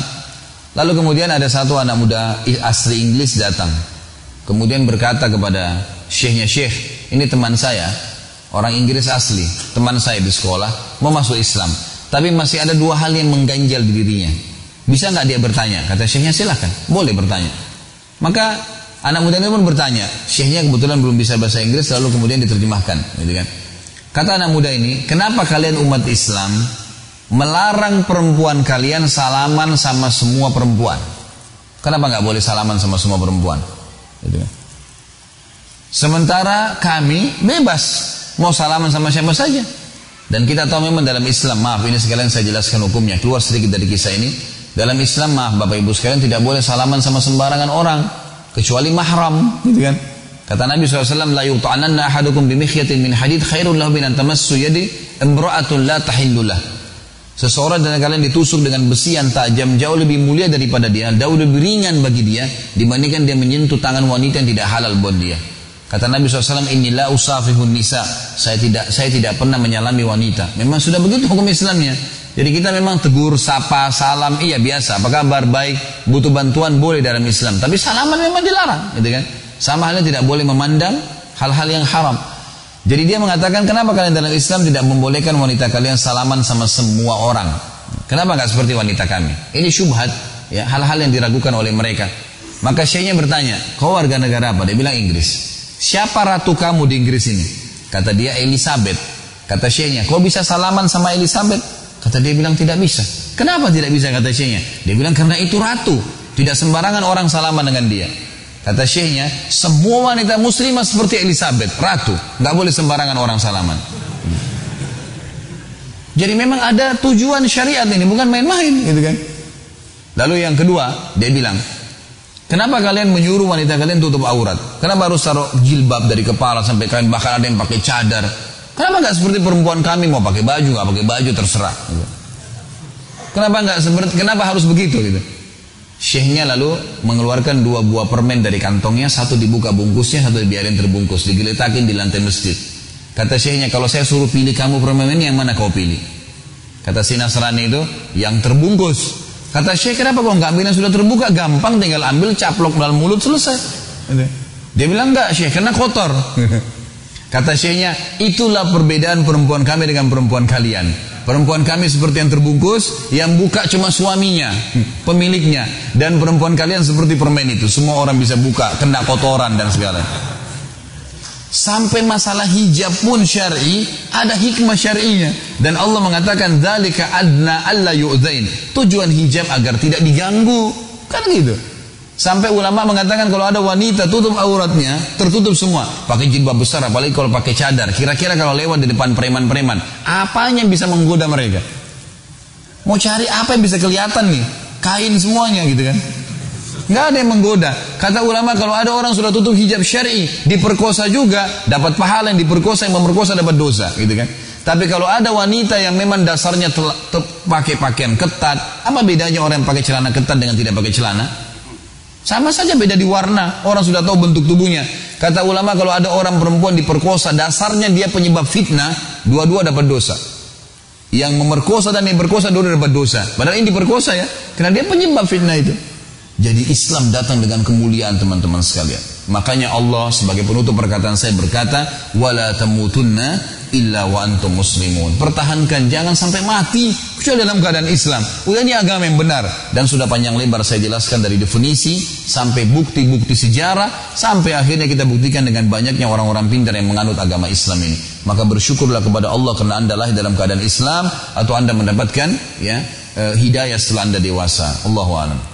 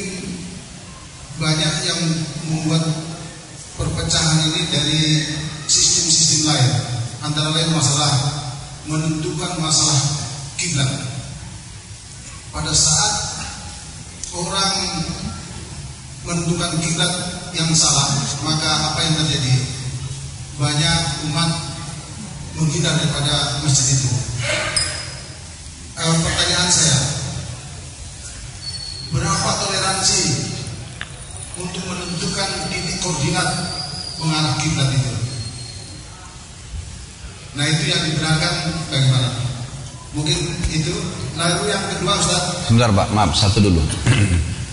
Eh, sebelum ada pertanyaan, sebelum dilanjutkan pertanyaan, insya Allah Bapak silakan bertanya yang kedua setelah saya jawab ya, supaya tidak menumpuk.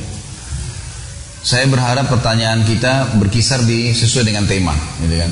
Kalau teman-teman punya pertanyaan di luar daripada tema, saya sarankan, saran saya, insya Allah nanti dalam penutupan setelah pertanyaan saya akan jelaskan, tapi saya sampaikan dari sekarang lebih baik karena memang saya lihat diperlukan.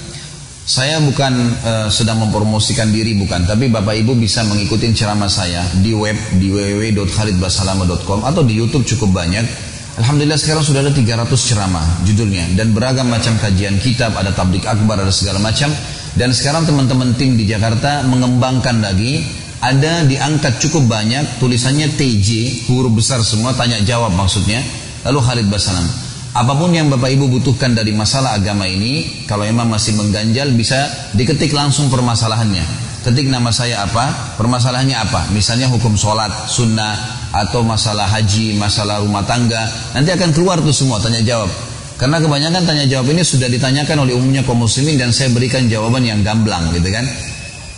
Dalam majelis kita ini silahkan bertanya, boleh. Saya bukan menutup diri insya Allah dan saya jawab sesuai dengan kadar ilmu saya. Tapi saya sarankan seperti tadi, bagaimana Anda e, bertanya sesuai dengan tema dan kalau ada pertanyaan yang masih mengganjal yang tidak sempat saya jawab di pertemuan ini, bisa kembali ke YouTube atau ke web saya akan mendapatkan insya Allah jawaban-jawabannya. Gitu ya. Baik, masalah banyaknya persisian terjadi di tengah umat Islam, terutama atau salah satunya berhubungan dengan masalah arah kiblat. Kalau Bapak tanya kepada saya berapa kira-kira tepat arahnya, memang saya bukan ahlinya di bidang itu. Tetapi teman-teman sekalian di dalam Islam kita memang disuruh berpegang pada kebenaran dan kebenaran yang ada di tangan Allah dan Rasulnya, gitu kan? Orang Islam akan selamat dari masalah perselisihan mereka ini kalau mereka mau kembali kepada wahyu Allah, Al-Quran dan Sunnah. Selalu kembali kepada rujukan tersebut. Kalau ada pendapat ulama yang berpegang pada wahyu ini, maka ada pendapat yang mengatakan jadikan antara kamu dan api neraka seorang alim. Jadikan antara kamu dengan api neraka seorang alim. Maksudnya apa? Jangan melakukan perbuatan apa pun kecuali memang referensinya kembali kepada seorang alim ulama yang benar yang punya wah, uh, wah dalil wahyu Al-Qur'an dan sunnah yang dia sampaikan, gitu kan? Kalau masalah di sisi lain, satu sisi kita harus berpegang pada kebenaran kebenaran Al-Quran dan Sunnah. Sisi yang lain teman-teman sekalian tidak boleh kita fanatik terhadap pendapat yang salah.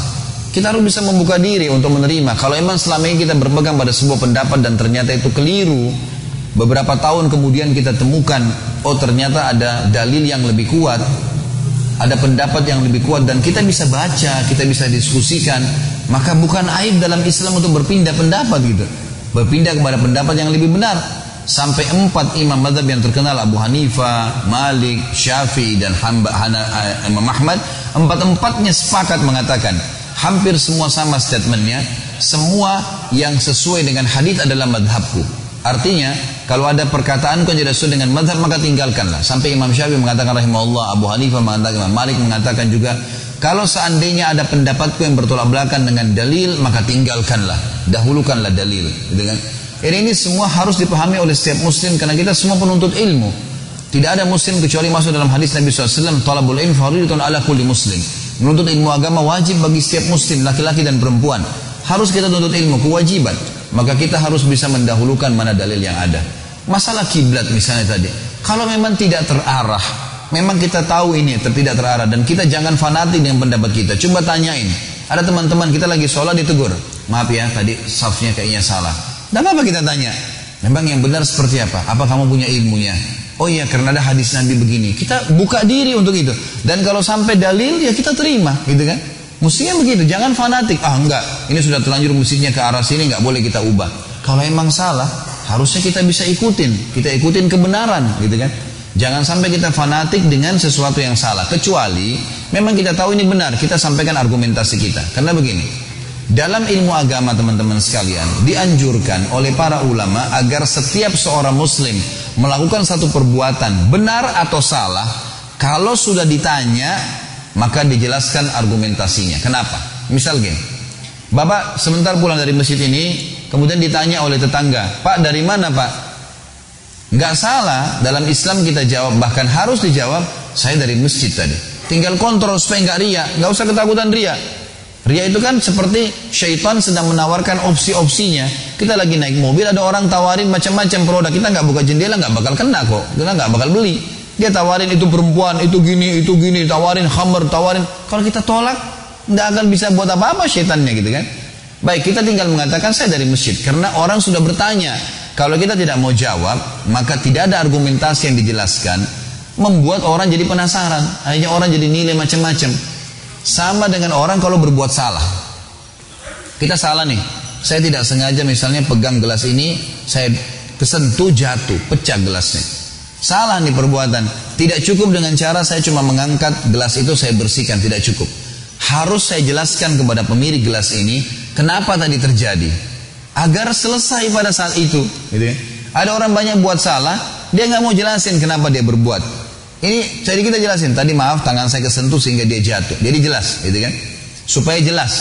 Kalau ada orang teman-teman sekalian lewat di depan rumah kita, kita tidak sengaja mem membuang air, gitu kan? Niatnya membuang air, tidak niat mengenakan orang. Tapi ada orang pas lewat kena. Apa yang harus kita lakukan? Pertama minta maaf, gitu kan? Yang kedua tidak cukup, hilangkan bekas air itu. Kita harus mengatakan jelaskan, gitu kan? Maaf tadi saya tidak sengaja, gitu siram tidak niat buang air kepada anda, bisa nggak saya keringkan bajunya, saya gantiin baju lain, hilangkan bekasnya. Maka pastikan pada saat orang itu lewat di depan rumah lagi kita, kalau kita hilangkan, minta maaf, kita jelaskan kenapa kita lakukan, tidak sengaja dan kita menggantikan, menghilangkan bekas yang kena pada dia, maka setiap mulai lewat depan rumah kita dia akan bilang apa? Orang ini baik nih. Coba tadi kalau kita siram air, kemudian kita ah tidak sengaja kok, nggak usah minta maaf, tutup pintu langsung. Orang itu setiap lewat akan bilang apa? Ini orang ini jahat. Gitu kan. Selalu setiap pernah dulu saya lewat depan rumahnya walaupun 10 tahun yang lalu kena bahasa air gitu. Dia nggak minta maaf. Jadi penjelasan argumentasi penting dalam Islam. Tapi dalam Islam disuruh memang berbicara sesuai dengan ilmunya. Kata Nabi Wasallam, kalau satu perkara dikembalikan kepada bukan ahlinya, maka tunggulah kehancuran. Emang nggak boleh. Jadi kita jangan fanatik kepada sesuatu yang memang ada argumentasi datang kepadanya. Kalau jelas ada kemudian teman-teman sekalian, jangan fanatik. Yang lebih benar itu yang kita terima, gitu kan? Jangan berpegang pada prinsip yang salah. Ini maaf, saya tidak tahu ini pertanyaan disebabkan karena masjid yang mana, karena saya tidak tahu. Bukan tujuannya saya untuk menyinggung teman-teman, tapi kalau memang saya berbicara masalah global, kaidah dalam ilmu agama. Kalau seseorang berbuat salah dalam Islam, harus bisa meminta maaf dan menerima kebenaran. Orang yang benar harus menyampaikan ini namanya amal ma'ruf nahi mungkar, gitu kan? Dan tidak boleh kita dalam amar ma'ruf nahi mungkar itu menjatuhkan, menghina atau fanatisme pada kesalahan. Kalau enggak kita akan terus salah gitu kan. Sampai kapan? Pegangi teman-teman sekalian perkataan yang mulia dari Umar dan Ali radhiyallahu anhu. Ini dua sahabat Nabi yang mulia, khulafaur rasyidin dan ini antara mertua Nabi sama anak mantu Nabi dan juga Umar bin Khattab anak mantunya Ali, gitu kan. Jadi mereka sangat dekat. Umar pernah mengatakan, "Saya akan terus berterima kasih pada siapa pun muslim yang mengingatkan satu kesalahan saya. Karena beliau ingin menjadi lebih baik terus, gitu kan? Ali radhiallahu mengatakan saya akan siap menjadi hamba, siap mengabdi pada orang yang mengingatkan kepada saya tentang satu kesalahan saya atau mengajarkan kepada saya tentang satu kebaikan. Jadi mereka terus ingin memperbaiki diri mereka untuk lebih baik. Banyak orang subhanallah fanatisme buta pada sesuatu yang walaupun salah akhirnya membuat dia vakum dan akhirnya terjadi perpecahan, gitu kan? Akan hilang ke, ke keraguan-raguan, akan hilang ketidaktahuan dengan ilmu. Ilmu, ya. ilmu datang ya sudah terima. Maaf, itu yang saya bisa jelasin, Pak. Baik, yang kedua silakan. Uh, mungkin agak melenceng jauh, Saya lihat di Google itu ditayangkan foto-foto imam imam Syafi'i, imam Hambali, imam ini uh, validasinya yang saya tanyakan Ustaz. Mungkin itu aja. Terima kasih. Assalamualaikum warahmatullahi wabarakatuh. Di dalam Islam tidak aib teman-teman sekalian kalau kita bilang tidak tahu kalau tidak tahu. Imam Malik rahimahullah pernah ditanya 57 pertanyaan. 57 pertanyaan, banyak sekali. Ada riwayat yang mengatakan 37 pertanyaan. Yang beliau jawab 17. Sisanya nggak dijawab. Imam Malik seorang ulama besar, bahkan dalam ilmu hadis dianggap sanat emas, emas. Pasti sahih sanatnya kalau Imam Malik meriwayatkan dari Nafi, Nafi ini bekas budaknya Abdullah bin Umar yang dibebaskan oleh Abdullah bin Umar. Ini dianggap sanat emas. Imam Malik punya buku hadis namanya Muwatta. Ditanya oleh muridnya, beliau tidak jawab, kecuali 17. Lalu muridnya tanya, wahai imam, anda imam, bagaimana caranya anda tidak jawab? Malah mayoritas pertanyaan tidak dijawab. Apa kata Imam Malik? Apa kau ingin nanti hari kiamat menjurumuskan saya ke dalam api neraka karena saya jawab kamu tanpa ilmu? Namun, harusnya kita jawab punya ilmu. Dan bukan aib mengatakan saya tidak tahu. Gitu kan? Mesti begitu ya. Nah teman-teman di sini, ambil pelajaran dari kaidah ini.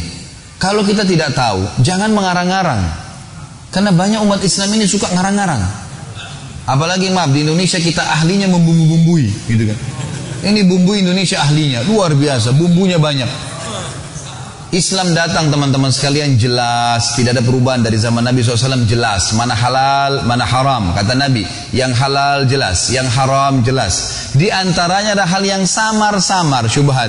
Kata Nabi SAW apa? Ini peringatannya. Kata Nabi SAW, siapa yang menyelamatkan dirinya dari hal yang samar-samar, dia telah menyelamatkan kehormatan dirinya dan agamanya. Dan siapa yang jurumuskan dirinya pada hal yang samar-samar, boleh atau enggak ya?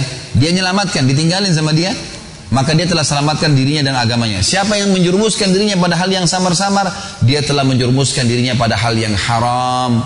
Berarti samar-samar tinggalin, nggak jelas jangan dilakukan. Kan gitu. Memang harus ditinggalkan.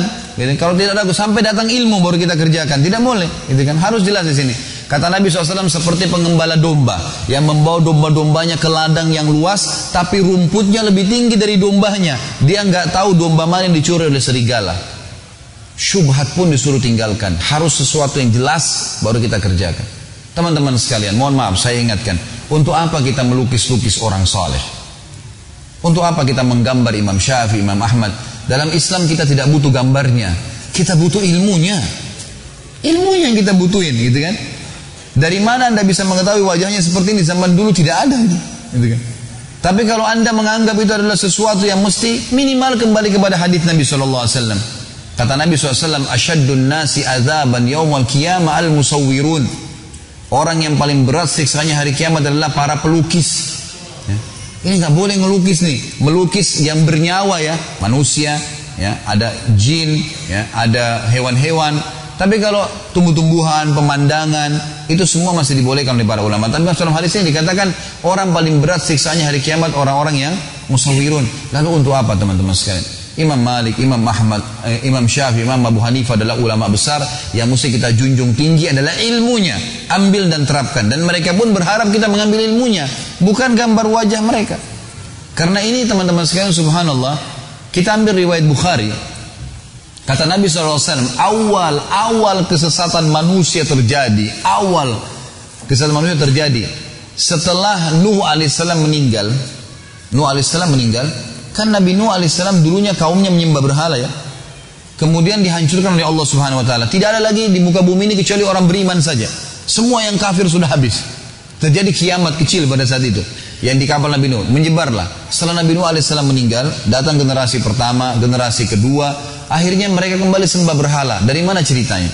Kata Nabi SAW dalam panjang hadis Bukhari, datang iblis menjelma jadi manusia, lalu berkata kepada keturunan Nuh dan orang-orang saleh ini, generasi keduanya nih didatangin. Mereka sambil berkata, wahai kaum, ya, tidakkah kalian ingin mengenang orang-orang saleh ini, Nuh dan sahabat-sahabatnya? Kata mereka tentu saja mau. Kami sudah menerapkan ilmu-ilmunya. Maka iblis mengatakan, lebih baik lagi supaya kalian tidak lupa wajahnya, kalian lukis tuh. Lukis tuh Nabi Nuh, Nabi teman-temannya supaya kalian tidak lupa. Jangan disembah. Kata syaitan itu, jangan disembah. Cukup taruh di tempat-tempat ya pintu masuk tempat ibadah kalian kayak masjid misalnya. Cuma dipajang di situ. Nggak usah buat apa-apa. Gambarnya nih. Nggak disembah nih, nggak diapa-apain. Lihat apa reaksi setelah itu. Kata Nabi SAW berjalanlah waktu. Mereka menjalankan oh iya ya benar ya cuma lihat mukanya oh ini Nuh. Jadi kita lihat jadi jadi ingat jadi soleh juga kita kembali gitu kan. Berjalan setelah itu generasi itu habis. Kata Nabi SAW setelah mati generasi itu datang generasi setelahnya. Ya. Dan selalu kalau generasi yang baru datang biasanya lebih lemah dari generasi sebelumnya, gitu kan? Generasi yang datang setelahnya ini didatangi lagi oleh syaitan. Mereka mengatakan, syaitan mengatakan, orang-orang tua kalian tidak meletakkan gambar-gambar dan patung-patung di depan itu kecuali karena mereka jadikan perantara antara mereka orang-orang soleh dengan Allah. Siapa kalian? Ibadah kalian sebatas apa? Ini orang-orang soleh. Jadikan mereka perantara. Walaupun cuma patungnya. Diikutin oleh masyarakat. Mulailah minta-minta kepada patung tapi beriman kepada Allah. Dan ini yang Allah cap dengan orang musyrik.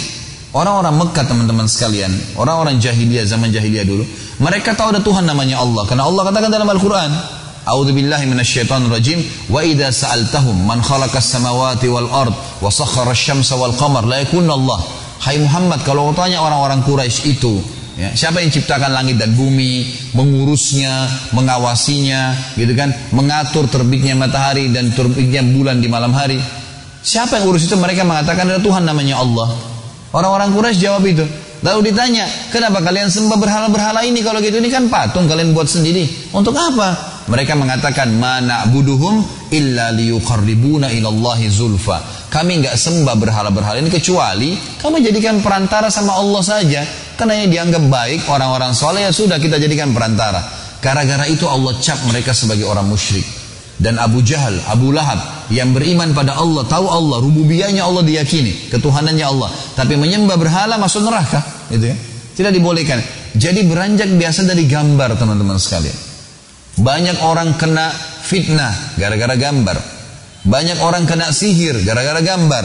Foto disebarin sana sini. Dukun-dukun yang paling pertama digunakan adalah minta fotonya. Disihir dari situ. Gambar bermula dari semuanya. Hati-hati teman-teman sekalian.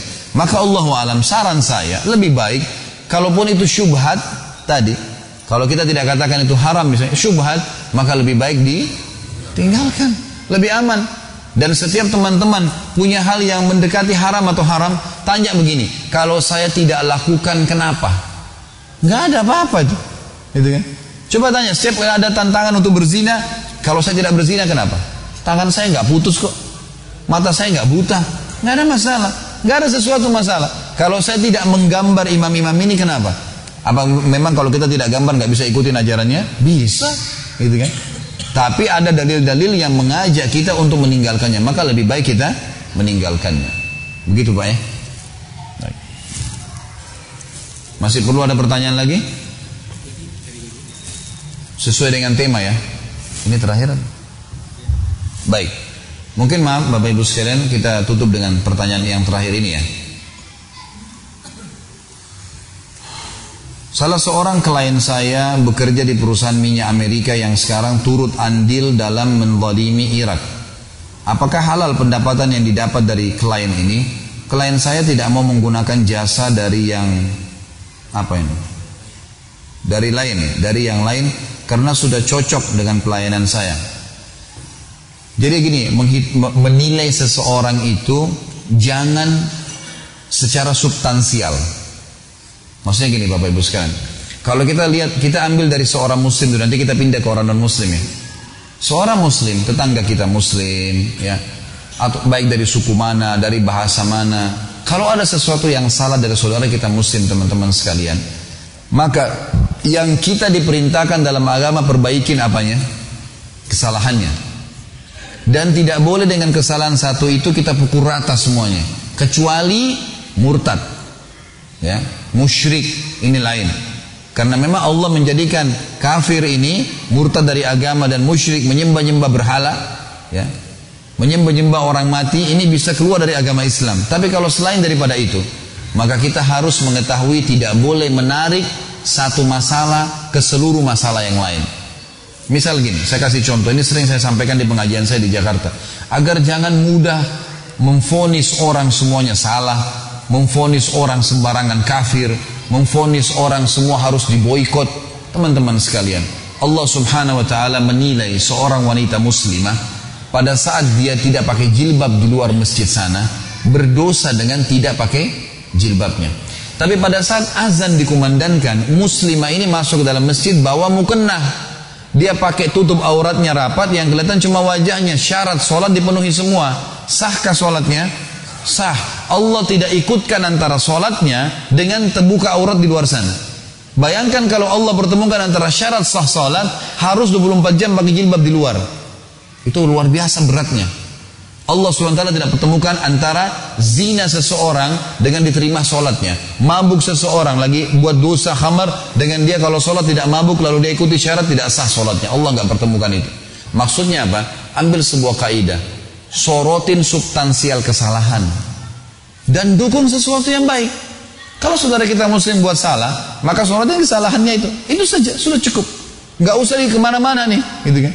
Ada orang tidak subhanallah. Sedikit saja kesalahan muslim ini, misal lupa salam.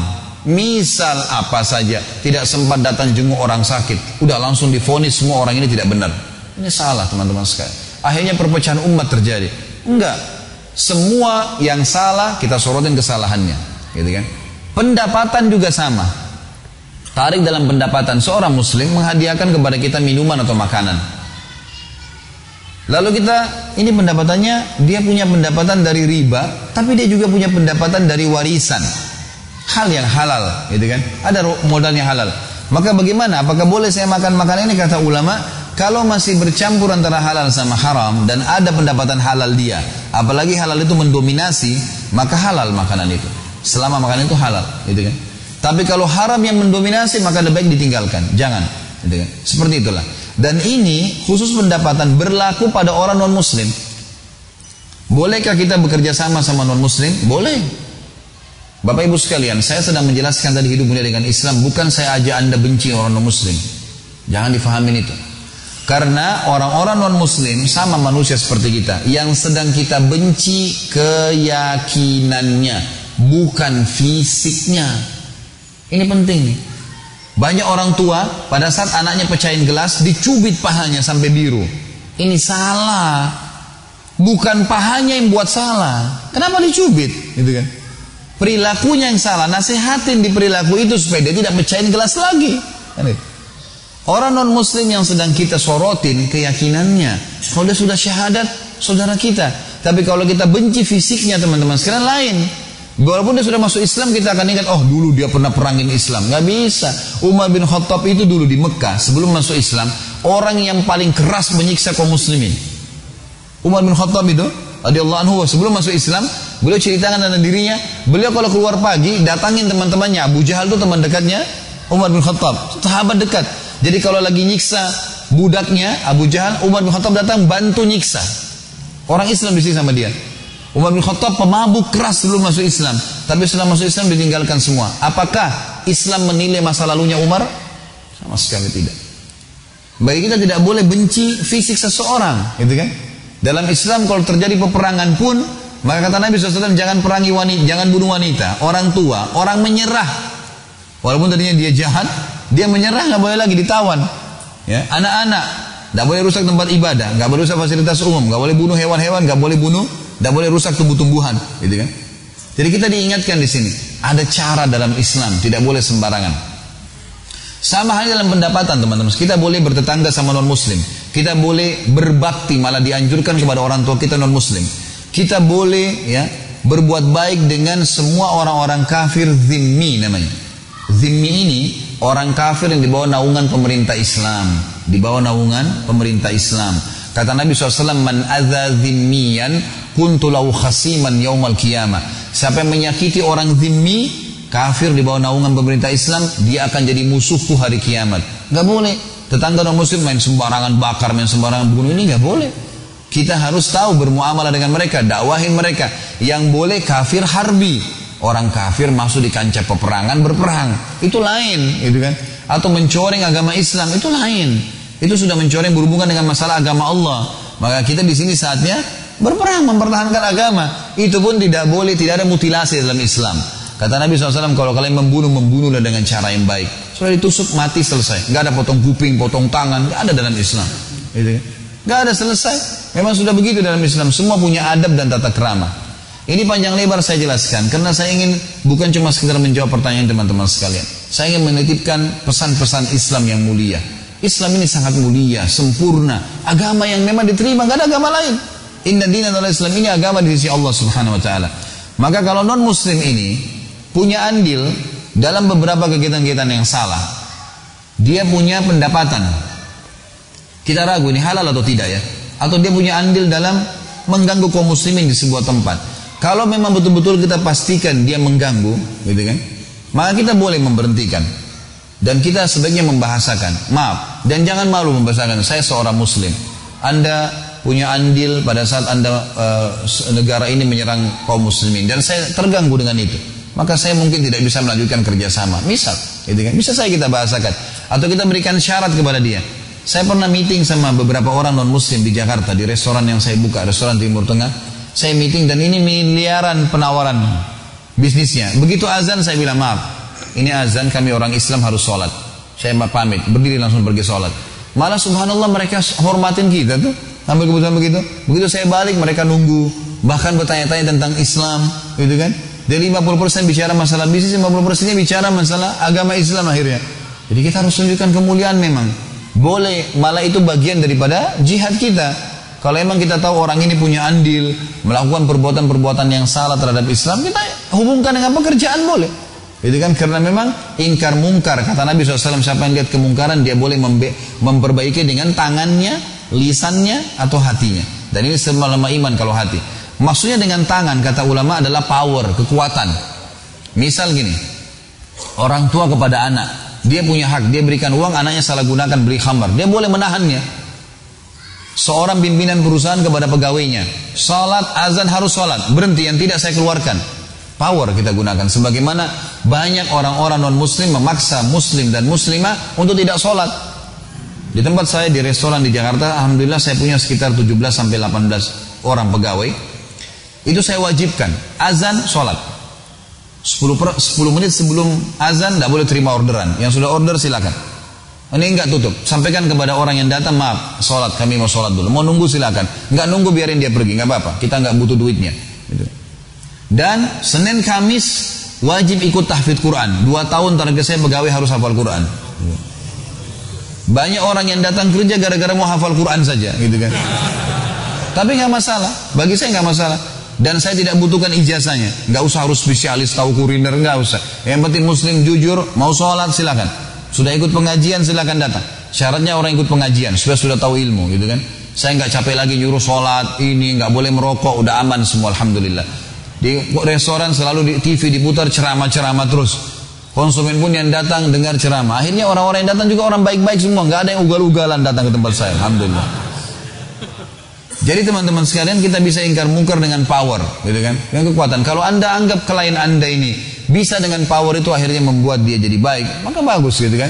Artinya anda boleh bergerak di bidang sosial yang anda mau. Mungkin dia mau urus agamanya dia silakan, tapi jangan sampai mengganggu agama saya, gitu kan? Lebih baik kita bahasakan, tidak ada masalah. Karena itu prinsip dasar agama. Tapi kalau seandainya ini cuma sekedar mungkin informasi atau dia punya andil ada kerabatnya atau temannya yang dia bantu di sana yang kebetulan juga ya ada di sana hidup itu lain gitu kan seperti ada beberapa sahabat sempat membantu teman-temannya saudara-saudaranya keluarganya di Mekah gitu kan setelah hijrah Nabi SAW Nabi nggak larang Umar bin Khattab pernah menghadiahkan baju kepada adiknya masih dalam keadaan kafir di Mekah karena beliau pakai dapat baju, baju itu ternyata terbukti dari sutra dan beliau tahu tidak boleh laki-laki pakai sutra. Maka beliau tanya ya Rasulullah bagaimana nih? Kata Nabi jangan kau pakai. Ini cuma halal bagi orang non muslim. Maka Umar bin Khattab mengiring ke Mekah kasih adik kandungnya yang masih dalam keadaan kafir untuk memakainya, gitu kan? Jadi boleh kita bermuamalah, boleh membantu, tapi pada batas-batas tidak mencoreng agama. Kalau mencoreng agama jangan, harus punya prinsip. Ini nggak boleh haram dalam agama dan tidak usah takut dengan rezeki teman-teman sekalian. Allah memberi rezeki bukan orang-orang ini. Tidak jadi pun batal dengan dia, insya Allah Allah dengan penggantinya. Allahu alam. Baik, mari kita tutup dengan doa kepada Allah Subhanahu wa taala. Namun sebelumnya saya ingin menyampaikan sebelum berdoa Bapak Ibu sekalian, saya punya yayasan sosial yang bergerak di beberapa kegiatan sosial dan saya menyampaikan ini bukan untuk mengumpulkan bantuan, tapi ingin menyampaikan. Mungkin Bapak Ibu bisa ambil idenya, Bapak Ibu kembangkan sendiri idenya, atau mau partisipasi dengan yayasan saya juga silahkan. Saya sering berbagi kalau di YouTube Anda dengar sering saya bawain buku-buku, saya tunjukkan, saya sering tunjukkan program-program sosial yang ada supaya bisa nyebar, gitu kan? Tujuannya untuk itu. Khusus program masjid, maka yayasan saya punya program untuk membangun masjid dari nol sampai terbangun dan ini biayanya sekitar 3 juta setengah per meter persegi. Jadi kalau misalnya ada bapak ibu mau bangun masjid untuk orang tua saya 100 meter tinggal kali 3 juta setengah kali sekian, gitu kan? Lokasi nanti akan dicarikan tanah wakaf atau yang semisalnya. Ada renovasi masjid, ada perbuatan tempat uduk dan tempat-tempat sholat apa namanya, tempat uduk, kamar mandi, WC, ini semua juga dibuat. Kemudian juga ada uh, penyiapan AC buat masjid-masjid karena sekarang sudah cukup banyak masjid dan kebanyakan uh, jemaah membutuhkan pendingin supaya mereka lebih nyaman. Ada dispenser buat masjid karena saya temukan di Saudi itu sudah biasa. Di masjid itu di pinggir masjid pasti ada dispenser. Semua jemaah boleh minum. Dan ini bukan untuk pengurusnya saja karena pengurus biasa sudah ada di depan. Makanya untuk orang yang datang gitu kan. Karena di sana sudah biasa orang minum air dingin, air panas sudah biasa. Maka saya punya program itu di yayasan dan ini dispenser tergantung harganya. Anda boleh beli, boleh kasih mesin di dekat tempat Anda. Alhamdulillah kami sebarin kemarin di Jakarta cukup banyak, gitu kan? Cukup banyak mesin-mesin yang sudah dapat bantuan seperti ini. Kemudian untuk program dai juga di yayasan saya saya mengadakan motor untuk para dai. Jadi banyak adik-adik kelas saya yang saya temukan, masya Allah, ada saya temukan adik kelas saya satu, saya tahu betul dia pakar dalam ilmu sejarah gitu kan, adik kelas saya. Maka waktu saya ketemu di Jakarta di pengajian, pas saya mau keluar saya juga kebetulan pakai motor, dia juga pakai motor. Karena biasanya kalau macet tidak mungkin pakai mobil kalau di Jakarta, maka pakai motor jalan. Subhanallah saya lihat motornya dia sampai diikat-ikat dengan tali tuh. Padahal orang ini satu hari motoriknya luar biasa ke mana-mana nih, gitu kan. Terus saya tanya, akhi, antum kendaraan cuma ini? Dia sambil malu mengatakan, iya, cuma ini aja Ustaz. Baiklah. Terus saya buatin program, Bapak Ibu sekalian saya mau buat program motor buat da'i. Kita siapin motor. Waktu itu sekitar 16 juta rupiah harganya. Kemudian kita keluarkan di Jakarta ya.